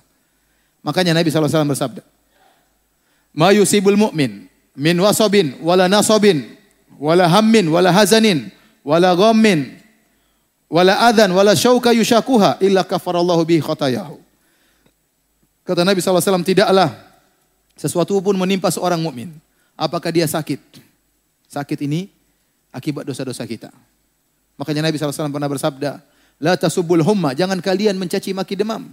Fa innaha tudhibul khataya kama yudhibu al-kir al hadid. Karena sungguhnya demam itu bisa menghilangkan, menggugurkan dosa-dosa. Sebagaimana alat pandai besi menghilangkan karat dari besi. Jadi sakit itu kalau kita sabar mengurangi dosa-dosa kita. Sabar yang penting. Kata Nabi tidaklah menimpa seorang mukmin kecuali akan menghapuskan dosa-dosanya, baik sakit atau letih bahkan letih. Wala hazanin kesedihan tentang masa lalu. Teringat terus nggak hilang-hilang, sedih terus, sedih terus, kesedihan hati ini menghilangkan dosa-dosa. Wala hammin kekhawatiran tentang masa depan, nanti bagaimana, nanti bagaimana. Kekhawatiran tentang ekonomi, tentang kesehatan, tentang rumah tangga, kekhawatiran. Ini juga kalau kita menghadapi dengan sabar, menghilangkan dosa-dosa. Ya, kemudian apa? Wala gomin, kegelisahan. Subhanallah kata sebagian ulama, terkadang Anda bersyukur, tiba-tiba Anda gelisah. Ada apa gelisah? Tidak tenang. Itu cara Allah membersihkan dosa-dosa dari Anda. Anda tidak dimiskinkan oleh Allah, tidak dimiskinkan, Anda tidak di jadikan anak Anda meninggal dunia cuma dikasih kegelisahan. Itu itu sebenarnya menghilangkan apa? Dosa-dosa. Kemudian wala adzan, tidak ada gangguan dari orang lain. Mungkin orang maki-maki, orang mencaci maki, orang menghina, orang mengambil harta kita, merebut harta kita, ya. Wala syauka bahkan duri yang mengenainya kecuali akan menghapuskan dosa-dosanya. Ini dalil bahwasanya segala musibah yang menimpa kita akan menghapus dosa-dosa kita. Dengan syarat ikhwan kita bersabar. Karena kata para ulama, Musibah yang menimpa kita ini tidak serta-merta akan mengangkat derajat kita, menghapuskan dosa-dosa kita. Tidak serta-merta. Akan bisa menghapuskan dosa dan mengangkat derajat kalau kita bersabar. Kalau kita bersabar. Ya. Satu hari Nabi SAW melihat seorang wanita, seorang ibu anaknya meninggal dunia. Maka ibu ini pergi ke kuburan menangis-nangis. Maka Nabi datangi ibu tersebut. Nabi bernahi mungkar. Tidak boleh meratapi seperti itu di kuburan. Maka Nabi mengatakan, Ya hadha isbiri wahtasibi. Wahai fulana, bersabarlah. Dan haraplah pahala dari Allah subhanahu wa ta'ala. Wanita ini tidak lihat Nabi, maka dia marah. Dia mengatakan, ilaika anni, pergi engkau. Inna kalam tusab bi musibati. Kau tidak pernah mengalami apa yang aku alami. Padahal Nabi anaknya semua meninggal, bukan cuma dia. Nabi ulangi lagi. Nabi tidak emosi. Emang kamu aja yang anakmu meninggal? Saya juga anak saya meninggal. Lima-limanya, enamnya semua meninggal. Tidak, Nabi diam aja. Nabi mengatakan, Ya hada isbiri wahtasibi. Wahai fulana, bersabarlah. Haraplah pahala dari Allah. Dia mengulangi lagi, ilaika anni, pergi engkau. Waktu dia lihat ternyata Rasulullah SAW. Maka dia minta uzur, maaf ya Rasulullah, saya tidak ada. Kata Rasulullah SAW, Inna sabru inda sodamatil ula. Kesabaran yang sungguhnya tatkala pertama kali terkena musibah. Itu bukti seorang beriman kepada Allah. Makanya kalau kita pertama kali terkena musibah langsung bilang apa?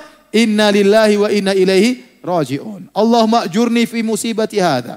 Wa khlufni khairan minha. Ya Allah berilah aku pahala dalam dalam musibahku ini. Gantilah aku yang lebih baik. Begitu kita kena musibah, musibah apa, apa saja? Langsung ucapan pertama, Inna lillahi wa inna ilaihi raji'un. Kita ini milik Allah. Jangan kalau kita saja milik Allah, apalagi harta kita, apalagi mobil kita, apalagi rumah kita, apalagi anak kita, apalagi istri kita, kita saja milik Allah. Semuanya milik Allah dan dia akan kembali kepada Allah. Kalau Allah mau ngambil titipannya terserah Allah Subhanahu wa taala. Oleh karenanya, ya, kalau kita pertama kali terkena musibah, jangan lupa langsung bilang apa? Inna lillahi wa inna ilaihi raji'un. Ya Allah berilah aku ganjaran dengan musibahku ini. Ini yang pertama, segala musibah menghilangkan dosa-dosa. Yang kedua, yang berikutnya, musibah itu mengangkat derajat. Kata Ibnu Qayyim rahimahullahu taala. Bisa jadi Allah ingin memasukkan, Allah cinta kepada hambanya ini. Allah ingin masukkan dia ke dalam surga yang tinggi, tetapi amalan dia tidak cukup untuk menderangkraknya. Tidak cukup untuk menaikkannya ke surga yang tinggi tersebut. Amal tidak cukup, salat malamnya tidak cukup, sedekahnya tidak cukup, baktinya sama orang tidak cukup. Allah ingin dia di surga yang lebih tinggi. Bagaimana cara Allah agar dia bisa masuk surga lebih tinggi? Allah kasih musibah. Supaya kualitas imannya lebih tinggi, supaya pahalanya lebih banyak. Maka tatkala dikasih musibah, kasih musibah, maka dia bisa naik ke surga yang lebih lebih tinggi. Maka seorang husnudzon tatkala dikasih musibah. Ya, kalau tidak mengangkat derajat bisa menghilangkan apa? Dosa-dosa. Taib. Di antara hal yang bisa ya membuat kita ringan menghadapi musibah. Caranya lihatlah kepada yang lebih susah daripada kita. Kata Nabi SAW, La tanzuru ila man fauqakum. Jangan lihat kepada yang lebih atas daripada kalian. Walakin unzur ila man asfala minkum. Wa ajdaru, walakin unzuru ila man asfala minkum. Wa huwa ajdaru alla tazdaru nikmatallahi alaikum. Lihatlah yang lebih susah daripada kita. Niscaya kalian tidak akan meremehkan karunia Allah Subhanahu wa taala. Bagaimanapun musibah kita pasti ada yang lebih susah. Ya, lihat orang-orang yang setengah mati, yang tidak punya kendaraan, kalau orang tidak punya kendaraan, mungkin dia tidak punya tidak punya mobil, alhamdulillah dia punya motor, dia bersyukur. Masih banyak orang tidak punya motor. Kalau dia tidak punya motor, baru punya sepeda, lihat yang dia masih banyak orang yang jalan, jalan kaki. Kalau dia jalan kaki, tidak punya motor, tidak punya sepeda, masih banyak orang cacat tidak bisa jalan. Dia bersyukur kepada Allah Subhanahu wa taala. Kalau dia naik kursi roda, dia bersyukur masih banyak orang tergeletak di rumah sakit tidak bisa apa-apa. Jadi selalu lihat yang di di bawah, selalu lihat yang di bawah. Ya. Sebenarnya saya tadi ngomong begini ya, semuanya ini teori ya. Prakteknya susah. Tapi harus kita latih diri kita supaya kita bisa bersabar. Lihat ke bawah. Lihat orang-orang yang hidupnya rumahnya ada subhanallah rumah cuma mungkin tiga kali empat. Di situ tempat tidur dia, tempat masak dia. Anaknya berapa, suami istri. Saya kemarin baru ada orang, saya dikirim videonya sedih banget ya. Jadi orang itu punya anak, anaknya sakit. Dia nggak bisa ngobati anaknya, nggak punya uang. Ini baru meninggal meninggal kemarin anaknya. Dia nggak bisa punya uang. Akhirnya apa yang dilakukan dia cuma rukyah, nggak punya uang. Akhirnya meninggal anaknya, subhanallah. Kita alhamdulillah masih bisa berobat masih. Ada orang anaknya sakit dia nggak bisa mengobati. Anaknya satunya sakit juga di rumah sakit nggak bisa dia bawa pulang. Kenapa belum bisa menembus apa? Obat. Coba, orang masih banyak ya yang susah lebih susah daripada daripada kita. Makanya sekali-sekali kita bawa anak-anak kita ya suruh lihat tuh orang susah-susah. Lihat yang anak ada yang susah suruh kerja masih kecil. Agar anak-anak kita itu pandai bersyukur. Bersabar dengan apa yang menimbanya. Istri kita juga kita bawa. Jangan ke, bawa, ke mall terus. Kita bawa sana ke orang-orang susah. Nih istriku nih orang susah. Suruh dia lihat bagaimana orang-orang susah. Mau beli lift aja nggak punya duit ya. Ya, mau beli sendal, sendalnya cuma satu rusak-rusak. Biar nggak browsing sendal terus. Nggak nggak browsing tas terus. Bawa ke orang susah-susah. Kalau perlu bawa ke kuburan biar segera bersegera segera beriman. ya, jadi ini cara kita untuk apa? Untuk bersabar lihat masih banyak orang lebih susah daripada daripada kita. Alhamdulillah kita kena musibah. Bukan musibah dalam agama. Ada orang terkena musibah. Dunia tidak kena musibah. Tapi musibahnya kena agamanya. Tadinya rajin sholat lima waktu, enggak lagi sholat lima waktu. Tadinya sudah bertobat, meninggalkan musik-musik, kembali lagi dengar musik-musik, joget-joget lagi, kasihan. Tadinya eh, apa namanya ikut pengajian, sudah enggak ikut pengajian lagi. Tadinya bersedekah, jadi pelit. Ini namanya musibah dari sisi agama. Makanya Nabi berdoa, wala taj'al musibatana fi dinina. Ya Allah, janganlah kau jadikan musibah kami pada agama kami. Musibah pada dunia lebih ringan. Tapi kalau musibah pada agama, tadinya kita rajin baca Quran, nggak jadi rajin lagi. Tadinya sholat bisa khusyuk, nggak khusyuk lagi. Tadinya bisa menangis mendengar lantunan bacaan imam, tidak bisa menangis lagi. Hati jadi kaku. Ini musibah dalam agama. Ini lebih parah daripada musibah dalam dunia. Ya. Kalau kita kena musibah dunia, lihat yang lebih ringan, lebih parah daripada kita masih banyak. Kemudian di antara hal yang membantu kita untuk bisa merasa ringan menghadapi musibah. Yakinlah bahwasanya apa yang Allah takdirkan lebih baik bagi kita. Al khair khiratullah. Ada istilah yang terbaik adalah pilihan apa? Allah Subhanahu wa taala. Dan Allah sebutkan dalam Al-Qur'an, ya. Wa asa an takrahu syai'an wa huwa khairul lakum. Wa asa an tuhibbu syai'an wa huwa syarrul lakum. Wallahu ya'lamu wa antum la ta'lamun. Bisa jadi kau benci kepada sesuatu ternyata lebih baik bagimu. Dan bisa jadi kau cintai sesuatu ternyata lebih buruk bagimu. Contoh sederhana, sekedar ilustrasi. Misalnya ada seorang dia baru beli mobil-mobil baru, tahu-tahu mobilnya dicuri orang. Segera dia positive thinking, husnuzon kepada Allah. Bisa jadi kalau dia mobilnya tidak dicuri, kemudian nenek mobil ini tahu-tahu ketabrak misalnya. Kita nggak tahu. Allah selamatkan dia dari tabrakan tersebut dengan mobilnya di, dicuri. Ya.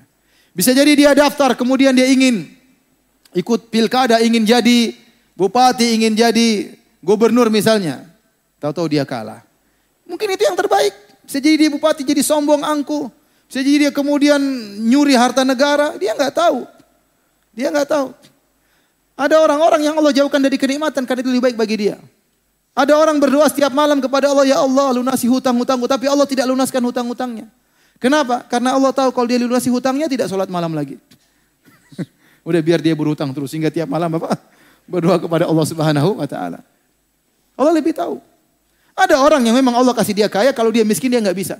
Kalau dia miskin maka dia merampok, dia mencuri, dia tidak bisa sabar, maka Allah kasih dia kenikmatan. Ada orang dikasih miskin, Allah itu lebih baik bagi bagi dia. Jadi kita selalu ber, berpikiran baik bahwasanya al khair khiratullah. Yang terbaik adalah pilihan Allah Subhanahu wa taala. Ada suatu cerita, cerita ini tersebar di internet, wallahu akan benarnya. Kalau tidak benar makin sekedar ilustrasi. Tentang seorang menteri yang dia selalu jika melihat orang terkena musibah, dia selalu berkata, Al khairu khiratullah. Yang terbaik adalah pilihan Allah. Dia selalu mengatakan demikian. Setiap orang terkena musibah, dia datang, dia nasihati. Ya akhi, yang terbaik pilihan Allah subhanahu wa ta'ala. Ada orang terkena musibah, dia datang lagi. Ya akhi, yang terbaik adalah pilihan Allah subhanahu wa ta'ala. Sampai suatu hari sang raja, tidak sengaja jadinya putus. Maka menteri itu pun datang. Menteri bilang, wahai raja, yang terbaik pilihan Allah. Rajanya marah. Kurang ajar, ini terbaik pilihan Allah, jadi saya putus. Penjarakan menteri ini. Akhirnya menteri tersebut di penjara. Waktu dia di penjara dia mengatakan al khair khiratullah. Yang terbaik pilihan Allah. Saya di penjara lebih baik. Akhirnya satu hari sang raja keluar bersama sebagian pengawalnya berburu. Berburu dia pergi-pergi mengejar buruan, tahu-tahu mereka pergi jauh, terjebak di suatu kabilah-kabilah tertentu, penyembah ruh. Akhirnya mereka mengepung raja dan pengawalnya, ditangkaplah raja dan pengawalnya. Waktu ditangkap mereka dibunuh, mau diserahkan kepada ruh yang mereka sembah atau jin yang mereka sembah.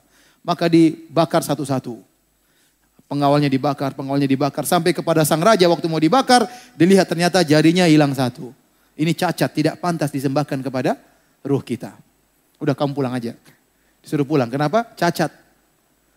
Subhanallah. Baru dia ingat perkataan menteri tadi. Iya benar ya. Yang terbaik pilihan Allah.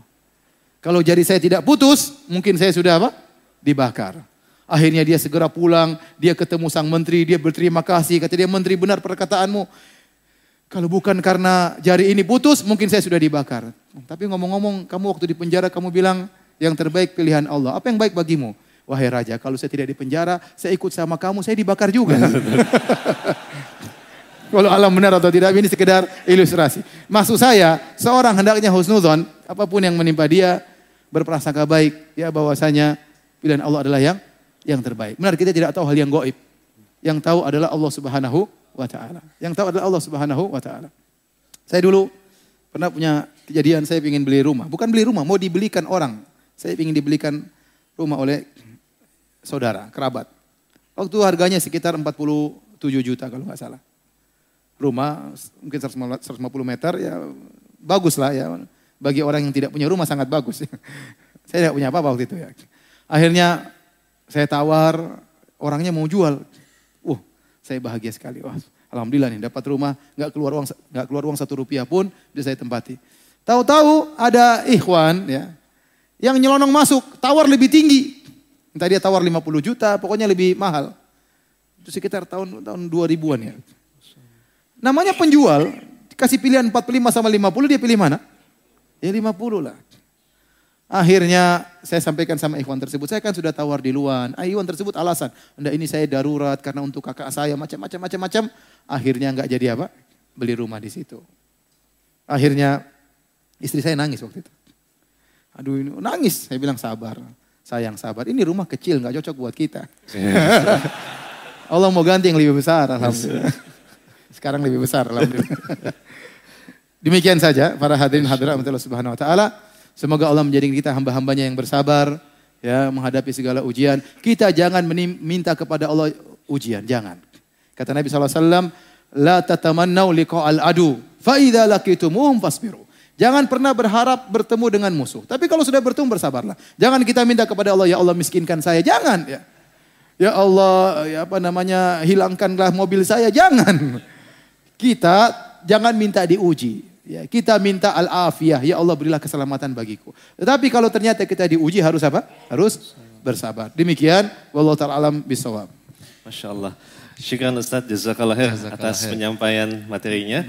Dan nampaknya mohon izin ya, Haril. Iya, kayaknya sudah waktu, mendekati Kita waktu akan ya. segera mobilisasi ke bawah dan soal jawab dialog akan dilaksanakan di tenda iftar. Ya, insya Allah. Kita Baik. mulai bergerak ke bawah untuk uh, ke tenda dan Baik. mohon ikuti arahan dari panitia. Baik, silakan. Belakang. Itu tuh di sini kelihatan dia. Kelihatan ya bro ya? Kelihatan ya itu ya? Oke, sebutkan, mohon sebutkan nama dan domisili ya. Bismillahirrahmanirrahim. Assalamualaikum warahmatullahi wabarakatuh. Waalaikumsalam warahmatullahi wabarakatuh. Ustaz dan nama tanyakan, begini Tad. Uh, boleh tahu namanya dulu? Oh, nama dan domisili. Mana Hadi di tempat. Oh, silakan Hadi. Baik, Mas Hadi silakan. Ya, apa Ustaz mau tanyakan gimana kesabaran kita dalam apa mendakwahkan orang tua? Karena orang tua itu sangat sensitif sama sekali. Masya Kita Allah. bilangin malah langsung membalikan dengan kata-kata yang tidak baik apa gimana gitu. Masya Allah. Sampai gimana untuk beribadah kita apa membolehkan untuk memaksa beliau untuk ibadah atau memboikotnya apa diperbolehkan apa gimana Tan? Syukur jazakallahu khairan. Iya. Terima kasih Mas Bro, Terima kasih Adi. Silakan Ustaz. Uh, tidak ada yang paling membuat kita bisa sabar mendakwai orang tua Kecuali kita ingat bagaimana sabarnya orang tua merawat kita. Ya. Kita dulu masih kecil ya. Bagaimana merepotkan orang tua. Mungkin antum tidak tahu karena antum sudah nikah belum? Masih jomblo kan? Makanya belum tahu ya. Kalau kita sudah nikah kita tahu bagaimana susahnya istri kita tatkala merawat anak kita. Bagaimana waktu anak kita dalam kandungan istri kita. Istri kita muntah-muntah, sakit, perlu dipijit, sampai masuk rumah sakit. Tatkala melahirkan bertarung dengan kematian, ya. Waktu lahir juga merepotkan dan banyak ya. Kalau anak kita sudah sakit sampai istri kita nggak bisa tidur ngelihat anak kita, ya. Dan terus ya, tatkala kita ingat ini semua bahwasanya orang tua kita sudah bersabar merawat kita dengan sesabar-sabarnya, maka kita dakwahi mereka itu Jauh lebih ringan, lebih ringan daripada sabarnya mereka terhadap kita. Ya, masa kemudian orang tua tidak menerima kemudian kita marah, kita boykot. Coba kalau dulu orang tua kita gitu. Nak cebok sendiri, nggak mau cebok sendiri, tinggal sudah. Kamu cebok sendiri mati mati biarin kan? Repot ya. Orang tua kita sabar sampai terkadang sebagian orang tua mengorbankan hartanya agar kita bisa sekolah, agar kita bisa jadi orang istilahnya. Nah, kalau kita dakwai orang tua kita, orang tua kita tidak terima, sabar. Tetap dengan kata-kata yang halus, tutur kata yang halus, tetap menjaga tutur kata kita terhadap orang tua. Kemudian di antara cara terbaik mendakwai orang tua dengan akhlak yang mulia. Kalau kita sudah punya kelebihan harta, seringlah memberi pemberian kepada orang tua. Kita ambil hati hati mereka. Tunjukkan bahwasanya kalau kita sudah ngaji, kita lebih ya menghormati orang tua, lebih patuh sama orang tua, lebih sabar terhadap orang tua dan kita waktu berdakwah cari waktu-waktu yang pas. Kalau kita lagi dakwah orang tua kita melawan ya sudah kita berhenti dulu. Nanti ada kesempatan lain, kita sampaikan lagi dengan logika, dengan dalil. Dan jangan lupa berdoa tiap malam. Karena yang membolak-balikkan hati adalah Allah Subhanahu wa taala. Ya. Saya ingat ada teman saya ya. Dia mendakwahi orang tuanya dari non muslim. Dia dakwai dakwai tidak menerima. Kapan diterima? Tatkala orang tuanya sakit dan dia yang setia menemani orang tuanya. Dia setia, dia rawat sampai pas mau meninggal masuk Islam. Ya sabarnya luar biasa merawati orang tuanya. Justru kita tidak tahu hidayah kapan datang kepada orang tua kita. Perbanyak doa, terutama di bulan Ramadan, doain agar orang tua dapat hidayah. Allah alam bisawab. Masya Allah. Masya Allah. Demikian Ustaz. Dan Aharil mohon izin bahwasanya ya, uh, Mike Ahmad mungkin nggak sampai, tapi ada Ah, pertanyaan tertulis. Dari kertas, oke Ya, silakan baik. silakan. Ustadz uh, di pertanyaan Ahmad, mau konfirmasi saja Ustadz, apabila kita keluar dari pekerjaan yang haram, kemudian kita dihantui oleh kekhawatiran jatuh miskin atau hilangnya harta. Bila kita bersabar, apakah ini juga menggugurkan dosa-dosa kita? Benarkah demikian Ustadz? Apakah kekhawatiran ini berasal dari was-was setan Ustadz? Iya, jadi Allah Subhanahu wa taala berfirman, "Asy-syaitanu ya'idukumul faqr wa ya'murukum bil fahsya." Sungguhnya setan itu menjanji-janjikan kefakiran, ya. Ini ayat sebenarnya berlaku bagi orang yang pelit, ya. Orang pelit yang mau dia mau bersedekah, setan bilang jangan, kebutuhan masih banyak. Bagaimana anakmu, istrimu nanti masa depan butuh duit. Akhirnya dia pikir-pikir-pikir nggak jadi bersedekah. Iya benar ya, rumah belum punya, ini belum punya, akhirnya nggak jadi bersedekah. Dan setan menyuruh kepada perbuatan yang fahsyat. Tapi demikianlah setan menakut-nakuti kita dengan kefakiran. Kita tatkala meninggalkan suatu yang haram karena Allah Subhanahu wa taala yakin dengan sabda Nabi sallallahu alaihi wasallam, "Man taraka khairan minhu." Barang saya meninggalkan suatu karena Allah, Allah akan berikan ganti yang lebih baik. Kita bertekad, kita keluar bukan karena takut cacian masyarakat, bukan karena takut cacian teman-teman, tidak. Kita keluar karena Allah. Jadi bulatkan tekad. Saya keluar ini karena Allah, karena takut dengan adab Allah. Dan saya siap menghadapi ujian, tapi saya berharap Allah berikan kemudahan. Minta kepada Allah Subhanahu wa taala. Nah, kalau kita keluar, terus berdoa kepada Allah. Kita kalau kita bertakwa kata Allah, "Wa may yattaqillaha yaj'al lahu makhraja." Mungkin kita diuji, mungkin kita diuji. Mungkin susah cari kerja, mungkin ini, mungkin anu, tapi kita sabar. Allah berfirman barang siapa yang bertakwa kepada Allah, pasti Allah akan berikan solusi wa yarzuquhu min haitsu. Dan Allah akan berikan rezeki dari arah yang tidak dia sangka-sangka. Ini benar-benar dirasakan oleh orang yang beriman. Tanyakan kepada banyak orang beriman. Betapa sering mereka dapat rizki dari arah yang mereka tidak sangka-sangka. Maka saya nasihatkan kepada akhwat yang ingin meninggalkan pekerjaan yang haram. Tuluskan niat, ikhlaskan niat karena Allah bukan karena takut cercaan orang, bukan karena takut eh, apa namanya pembicaraan orang, bukan supaya dibilang saya sudah berhijrah, enggak, enggak. Tinggalkan perbuatan tersebut karena Allah. Kemudian yang kedua, tingkatkan ketakwaan. Begitu Anda meninggalkan pekerjaan, salat malam, berdoa kepada Allah. Ya Allah, saya tinggalkan ini semua karena Engkau ya Allah. Jangan hinakan aku ya Allah. Jangan jadikan aku minta-minta kepada orang lain ya Allah. Sebagaimana kau menjaga wajahku tidak sujud kepada selain Engkau, jagalah diriku jangan sampai aku mengemis pada orang lain. Menangis minta kepada Allah. Insya Allah ada solusi. Masya Allah. Syukran Ustadz, jazakallah khair. Silakan Bro Haril untuk pertanyaan brothers Oke, atau sekarang Ipan. brothers lagi. Oh, Depan Baik, silakan. oke, paling Pakai- depan. Boleh, boleh pakai ini. Silakan. Silakan. Sengaja ya, ke depan mau nanya ya. Masya Allah. Silakan sebutkan nama dan domisili. Bismillahirrahmanirrahim. Assalamualaikum warahmatullahi wabarakatuh. Waalaikumsalam warahmatullahi wabarakatuh. Eh, nama saya Lutfi dari Depok. Silakan Mas Lutfi. Saya eh, calon mahasiswa yang insya Allah nanti tanggal 15 mau ujian di UIN Syarif Hidayatullah. Masya Allah. Nah, jadi eh, salah satu dari hal yang menarik dari eh, Al-Azhar ini saya tahu adalah wasatiyatul Islam. Eh, dan saya mau tahu lebih banyak tentang wasatiyatul Islam itu. Mungkin itu pertanyaannya. Wasatiyatul Islam. Oh. Uh, wasatiyah Islam, kalau kita bicara secara syar'i ya, antum melihat ada wasatiyah pada Al-Azhar, alhamdulillah ya. Wasatiyah orang sering terjemahkan dengan moderat, tapi sebenarnya wasatiyahnya sikap tengah. Kita Islam sikap tengah ya. Jangan gulu, jangan tafrid. Gulu itu terlalu ekstrim, tafrid meremehkan. Islam tidak tidak demikian ya. Ada contoh dalam Islam ada kelompok yang uh, di ujung, tidak di tengah. Dan itu banyak. Contoh Misalnya dalam uh, masalah keimanan. Ada namanya khawarij, ada namanya uh, murji'ah. Khawarij mudah mengkafirkan orang, murji'ah mengatakan yang bermaksiat pun imannya tinggi. Ahlu sunnah wasatiyah, tengah. Ya, orang yang melakukan maksiat tidak dikatakan kafir, namun tidak dikatakan imannya tinggi seperti imannya Jibril. Imannya berkurang. Ini contoh. Contoh dalam masalah misalnya kepada para wali. Ada orang berlebih-lebihan menganggap wali sampai pada derajat mungkin nabi sampai dikatakan maksum kalau sudah meninggal diminta-mintai saya rasa Al Azhar tidak pernah mengajarkan demikian dan sebaliknya juga bukan meremehkan. Wali dianggap orang biasa ya diremehkan tidak dihargai tidak dihormati juga tidak.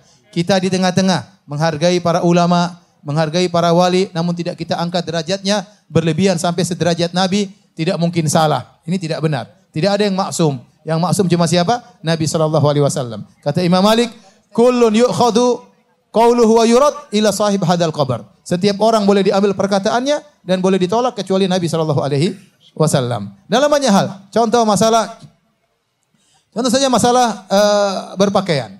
Ya, sebagian orang berlebih-lebihan menyangka bahwasanya semua misalnya yang dipakai oleh Nabi sunnah sampai zaman sekarang. Sehingga mereka menganggap misalnya sorban adalah sunnah. Kemudian misalnya pakai jubah adalah sunnah. Contohnya mereka menyangka bahwasanya naik onta sunnah misalnya. Atau makan korma sebagai makanan pokok sunnah. Ini tidak benar ya. Itu namanya perkara-perkara jibili, perkara-perkara adat di zaman Arab. Bukan itu sunnah. Yang sunnah adalah adalah pakaian yang syar'i, menutup aurat ya. Kemudian tidak tampil beda di antara masyarakat seperti itu.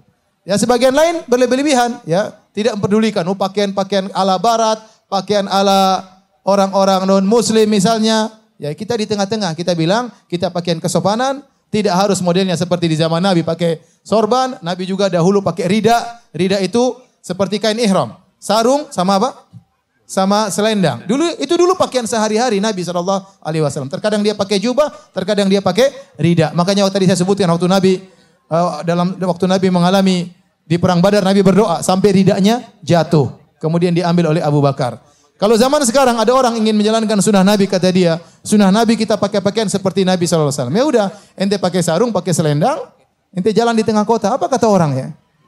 Apalagi masuk kantor, tentunya tidak benar. Bukan begitu maksud Nabi. Maksudnya ente pakai pakaian seperti di, di, di Indonesia pakai pakaian Islami, pakai koko, pakai ya enggak apa-apa, pakai celana, tapi yang penting kesopanan. Ya, jadi kita di tengah-tengah dalam segala hal ya. Dalam segala hal. Itu namanya wasatiyah dalam akidah, dalam akhlak, kemudian dalam ibadat, ya ini ada wasatiyah. Masya Allah. Ahril, mohon izin Coba, tadi ya, dari menyampaikan ya. tentang sikap pertengahan terhadap uh, akhlak Nabi. Ustaz, yang sedang terangkat ini Ustaz, bagaimana sikap pertengahan dalam uh, menyikapi mengambil keberkahan terhadap peninggalan-peninggalan Nabi Ustaz? Baik itu baju, uh, rambut dan sebagainya. Peninggalan Nabi, dahulu Nabi SAW, Nabi SAW spesial. Seluruh tubuhnya berkah. Bahkan air liurnya berkah, bahkan ludah Nabi berkah, rambut Nabi berkah. Sallallahu alaihi wasallam. Tatkala terjadi peristiwa Hudaybiyah, waktu para sahabat hendak berumrah dengan Nabi sekitar 1400 orang, mereka dilarang oleh orang kafir musyrikin sehingga mereka tidak bisa masuk. Akhirnya diutuslah utusan kaum muslimin, kaum kaum musyrikin untuk berunding dengan Nabi sallallahu alaihi wasallam. Waktu salah seorang utusan datang, mereka lihat para sahabat begitu mengagungkan Nabi SAW. Tidaklah Nabi meludah kecuali ludahnya diperebutkan oleh para sahabat. Ini menunjukkan ludah Nabi berkah. Apalagi badan Nabi. Ada sahabat lihat Nabi pakai baju, kemudian dia minta, "Ya Rasulullah, ya ma'ahsana haza." Ya Rasul ini bajumu begitu bagus, berikan padaku. Nabi kasih. Bukan apa-apa, sahabat ini tahu baju ini sudah keringat, kena keringat Nabi SAW. Dia ingin pakai. Dia ingin dijadikan kafannya. Akhirnya jadi kafan dia. Kemudian Nabi SAW waktu hajian, Nabi mencukur rambutnya, Nabi bagi-bagi rambutnya kepada para sahabat. Kenapa? Karena rambut Nabi berkah. Nah, yang jadi masalah peninggalan-peninggalan Nabi tersebut yang ada zaman sekarang tidak ada satupun yang bisa dipastikan itu benar-benar dari jasad Nabi Wasallam. Tidak ada yang bisa dipastikan. Ya saya tinggal di Arab Saudi sih tidak ada peninggalan-peninggalan Nabi SAW seperti itu. Kemudian zaman sekarang ada orang bilang ini rambut Nabi dan ini sering terjadi. Dulu ada sempat orang bawa rambut Nabi, katanya rambut Nabi 15 meter katanya rambut Nabi SAW. Jadi benarkah dari mana? Benarkah ini dari mana anda yakin ini adalah rambut Nabi? Mana sanatnya? Mana buktinya? Adakah periwayatan dari rambut dinukil dari atas ke bawah? Dari kakek saya, dari kakek saya, dari kakek saya terus. Kemudian kakek-kakek ini siapa yang bisa memeriksa kesikohannya? Dia amanah atau tidak? Jangan-jangan di tengah ada yang bohong. Jangan-jangan di kakek ke-20 ternyata bohong. Dia ambil rambut sembarang, dia bilang ini rambut Nabi SAW. Masalahnya kita ingin bertabaruk dengan rambut tersebut. Maka kita harus bisa pastikan rambut ini benar-benar dari Nabi SAW. Apalagi dari luar negeri dibawa ke tanah air. Ada buktinya atau tidak? Kalau ada, silakan. Silakan Anda mencium rambut tersebut. Itu rambut Rasulullah sallallahu alaihi wasallam, ya. Tidak mengapa. Tetapi kalau tidak ada dalilnya, tidak ada buktinya, yakin bahwa ini rambut Nabi maka tidak boleh. Hukum asal tidak boleh kita bertabaruk dengan benda-benda yang tidak jelas. Ya karena itu termasuk syirik kecil. Tidak boleh. Oleh karenanya seorang dalam hal ini dia harus hati-hati. Kalau ada buktinya dan sampai sekarang Allah mengatakan tidak ada buktinya. Tidak ada buktinya. Tidak ada yang bisa pastikan bahwasanya masih ada rambut Nabi yang tersisa. Kalau ada datangkan buktinya, mana sanatnya, siapa yang bisa periksa apa? Rawi-rawi yang menyampaikan tersebut. Karena orang banyak berbohong. Hadis-hadis Nabi saja mereka bohong. Ada orang palsukan ribuan hadis Nabi, apalagi sekedar rambut. Hadis saja mereka palsukan. Habis lebih mulia mana hadis atau rambut? Hadis Nabi, ajaran lebih afdal. Itu pun ada yang palsukan sampai ribuan hadis. Ya, sekarang rambut bisa jadi orang bilang ini rambut Nabi, mana buktinya? Ya. Mana buktinya Anda bisa pastikan bahwa rambut Nabi? Kalau ada, silakan Anda mengambil berkah dari rambut uh, tersebut. Ya. Tetapi ikhwan, bukan berarti kalau Anda tidak bisa dapat rambut tersebut, kemudian Anda Alhamdulillah keberkahan banyak. Hadis-hadis Nabi berkah, ajaran Nabi berkah, sholat tarawih berkah, pengajian berkah banyak. Kalau anda bisa dapat rambut tersebut, Alhamdulillah. Kalau tidak ada masih banyak ajaran-ajaran yang Nabi anjurkan. Nabi tidak pernah secara khusus mengatakan cium rambutku tidak ada, tapi kita tahu itu boleh. Tapi banyak hal-hal yang Nabi anjurkan, sholat malam, sholat tarawih, berbakti sama orang tua, masih banyak pintu keberkahan yang bisa kita dapatkan. Wallah alam bisawab. Masya Allah. Syukran Ustaz. Akhil, masih ada waktu? 10 menit menjelang Baik. waktu berbuka, bagaimana? Pertanyaan terakhir Ustaz ya? Ya, terakhir ya. Terakhir Terakhir, setelah ini oke, Ustaz akan menyampaikan penutup. Baik, silakan. Terakhir. Brothers silakan. ada Brothers lagi, terakhir? brothers? Oh itu boleh, boleh silakan. Yang baju putih, yang baju nah yang masih angkat tangan sekarang tuh. Agak jauh sedikit. 10 menit lagi, Ustaz. 10 menit lagi. Sebutkan nama dan domisili ya. Beda 2 menit sama sini. Silakan, pertanyaan terakhir. Ya. Singkat saja ya, silakan. Oke, Assalamualaikum warahmatullahi wabarakatuh. Waalaikumsalam warahmatullahi wabarakatuh. Dengan siapa? saya Volta dari Jakarta. Ya, silakan, ini Volta. Ustaz, eh, qadarullah, saya sudah bercerai dan nikah lagi. Eh, tapi yang jadi Qadarullah masalah... alhamdulillah. Alhamdulillah. Qadarullah, alhamdulillah. Alhamdulillah ya. Nah, tapi yang jadi masalah eh, mantan istri saya itu selalu eh, eh, menebarkan fitnah kepada saya, saya dan istri baru saya saya berusaha untuk bersabar sehingga sampai pada titik akhirnya dia mencela karena istri baru saya bercadar, dia mencela cadarnya dan mereka dan sempat terlontar dari dia bahwa cadar itu hanya topeng, cadar itu hanya eh, sosok wanita untuk menutupi seolah-olah eh, dia soleha, seolah-olah wanita itu suci gitu. Baik. Eh, itu yang membuat saya akhirnya eh, agak marah. Bukan marah karena menghina istri saya, tapi meng- menghinakan sunnah gitu ya. Baik. Eh, tapi bagaimana saya harus bersikap Ustaz? Syukran jazakallah khair. Iya. Assalamualaikum warahmatullahi wabarakatuh. Waalaikumsalam warahmatullahi wabarakatuh. Syukran ahi, Allah. Masya Allah. Jadi bekas istri, istri antum melakukan kemungkaran. Kalau menurut antum dinasihati eh, berfaedah, bisa mengurangi kemungkaran, lakukan. Tapi dengan cara yang lembut. Jangan antum marah-marah. Antum nasihat dengan baik. Ya, dengan baik. Ini adalah sunnah Nabi. Tidak boleh nuduh niat orang. Orang pakai cadar baik nggak baik bukan urusan kita. Dia memakai syariat Rasulullah ya kita alhamdulillah senang. Adapun dia bertopeng hati itu bukan urusan kita, urusan masalah hati. Nabi tidak tahu isi hati orang-orang munafik dahulu. Kata Allah Subhanahu wa taala, "Wa mimman haulakum minal a'rabi munafiquna wa min ahlil madinati maradu 'alan nifaqi. La ta'lamuhum nahnu na'lamuhum." Ya, di penduduk kota Madinah ada orang-orang munafik yang kau tidak tahu hai Muhammad. Sementara kami tahu. Artinya apa? Nabi tidak tahu isi hati manusia. Kalau Allah tidak kasih tahu ini munafik, Nabi tidak bakalan tahu, ya. Nah, kalau Nabi saja tidak tahu isi hati orang, apalagi anti wahai bekas istriku. Nasihat baik-baik, tapi kalau menurut Anda dinasihat ini semakin menjadi-jadi, nggak usah digubris. Sudah ente peluk istri ente aja yang baru, yang rumah lupakan aja, nggak usah digubris. Putuskan semua, telepon, jangan sampai dia kontak antum, Facebooknya dimatikan, diblokir, itu lebih aman. Ya. Baik, Masya Allah. Alhamdulillah, Haril, Ya, kita kita, sudah- telah berada di akhir waktu Iya, ya. betul, Masya Allah. betul. Berkali Ustadz ada penutup berada di akhir acara kita, silakan Ustadz. Alhamdulillah kita berterima kasih kepada pihak Al-Azhar yang telah memberikan kesempatan bagi kita untuk bisa menimba ilmu di tempat yang mulia ini dan bisa berkumpul bersama. Semua pertemu- semoga pertemuan kita ini bukan cuma hanya di dunia, semoga Allah kumpulan kita di surganya kelak. Demikian saja. Wabillahi taufiq wal hidayah. Assalamualaikum warahmatullahi wabarakatuh. Waalaikumsalam warahmatullahi wabarakatuh.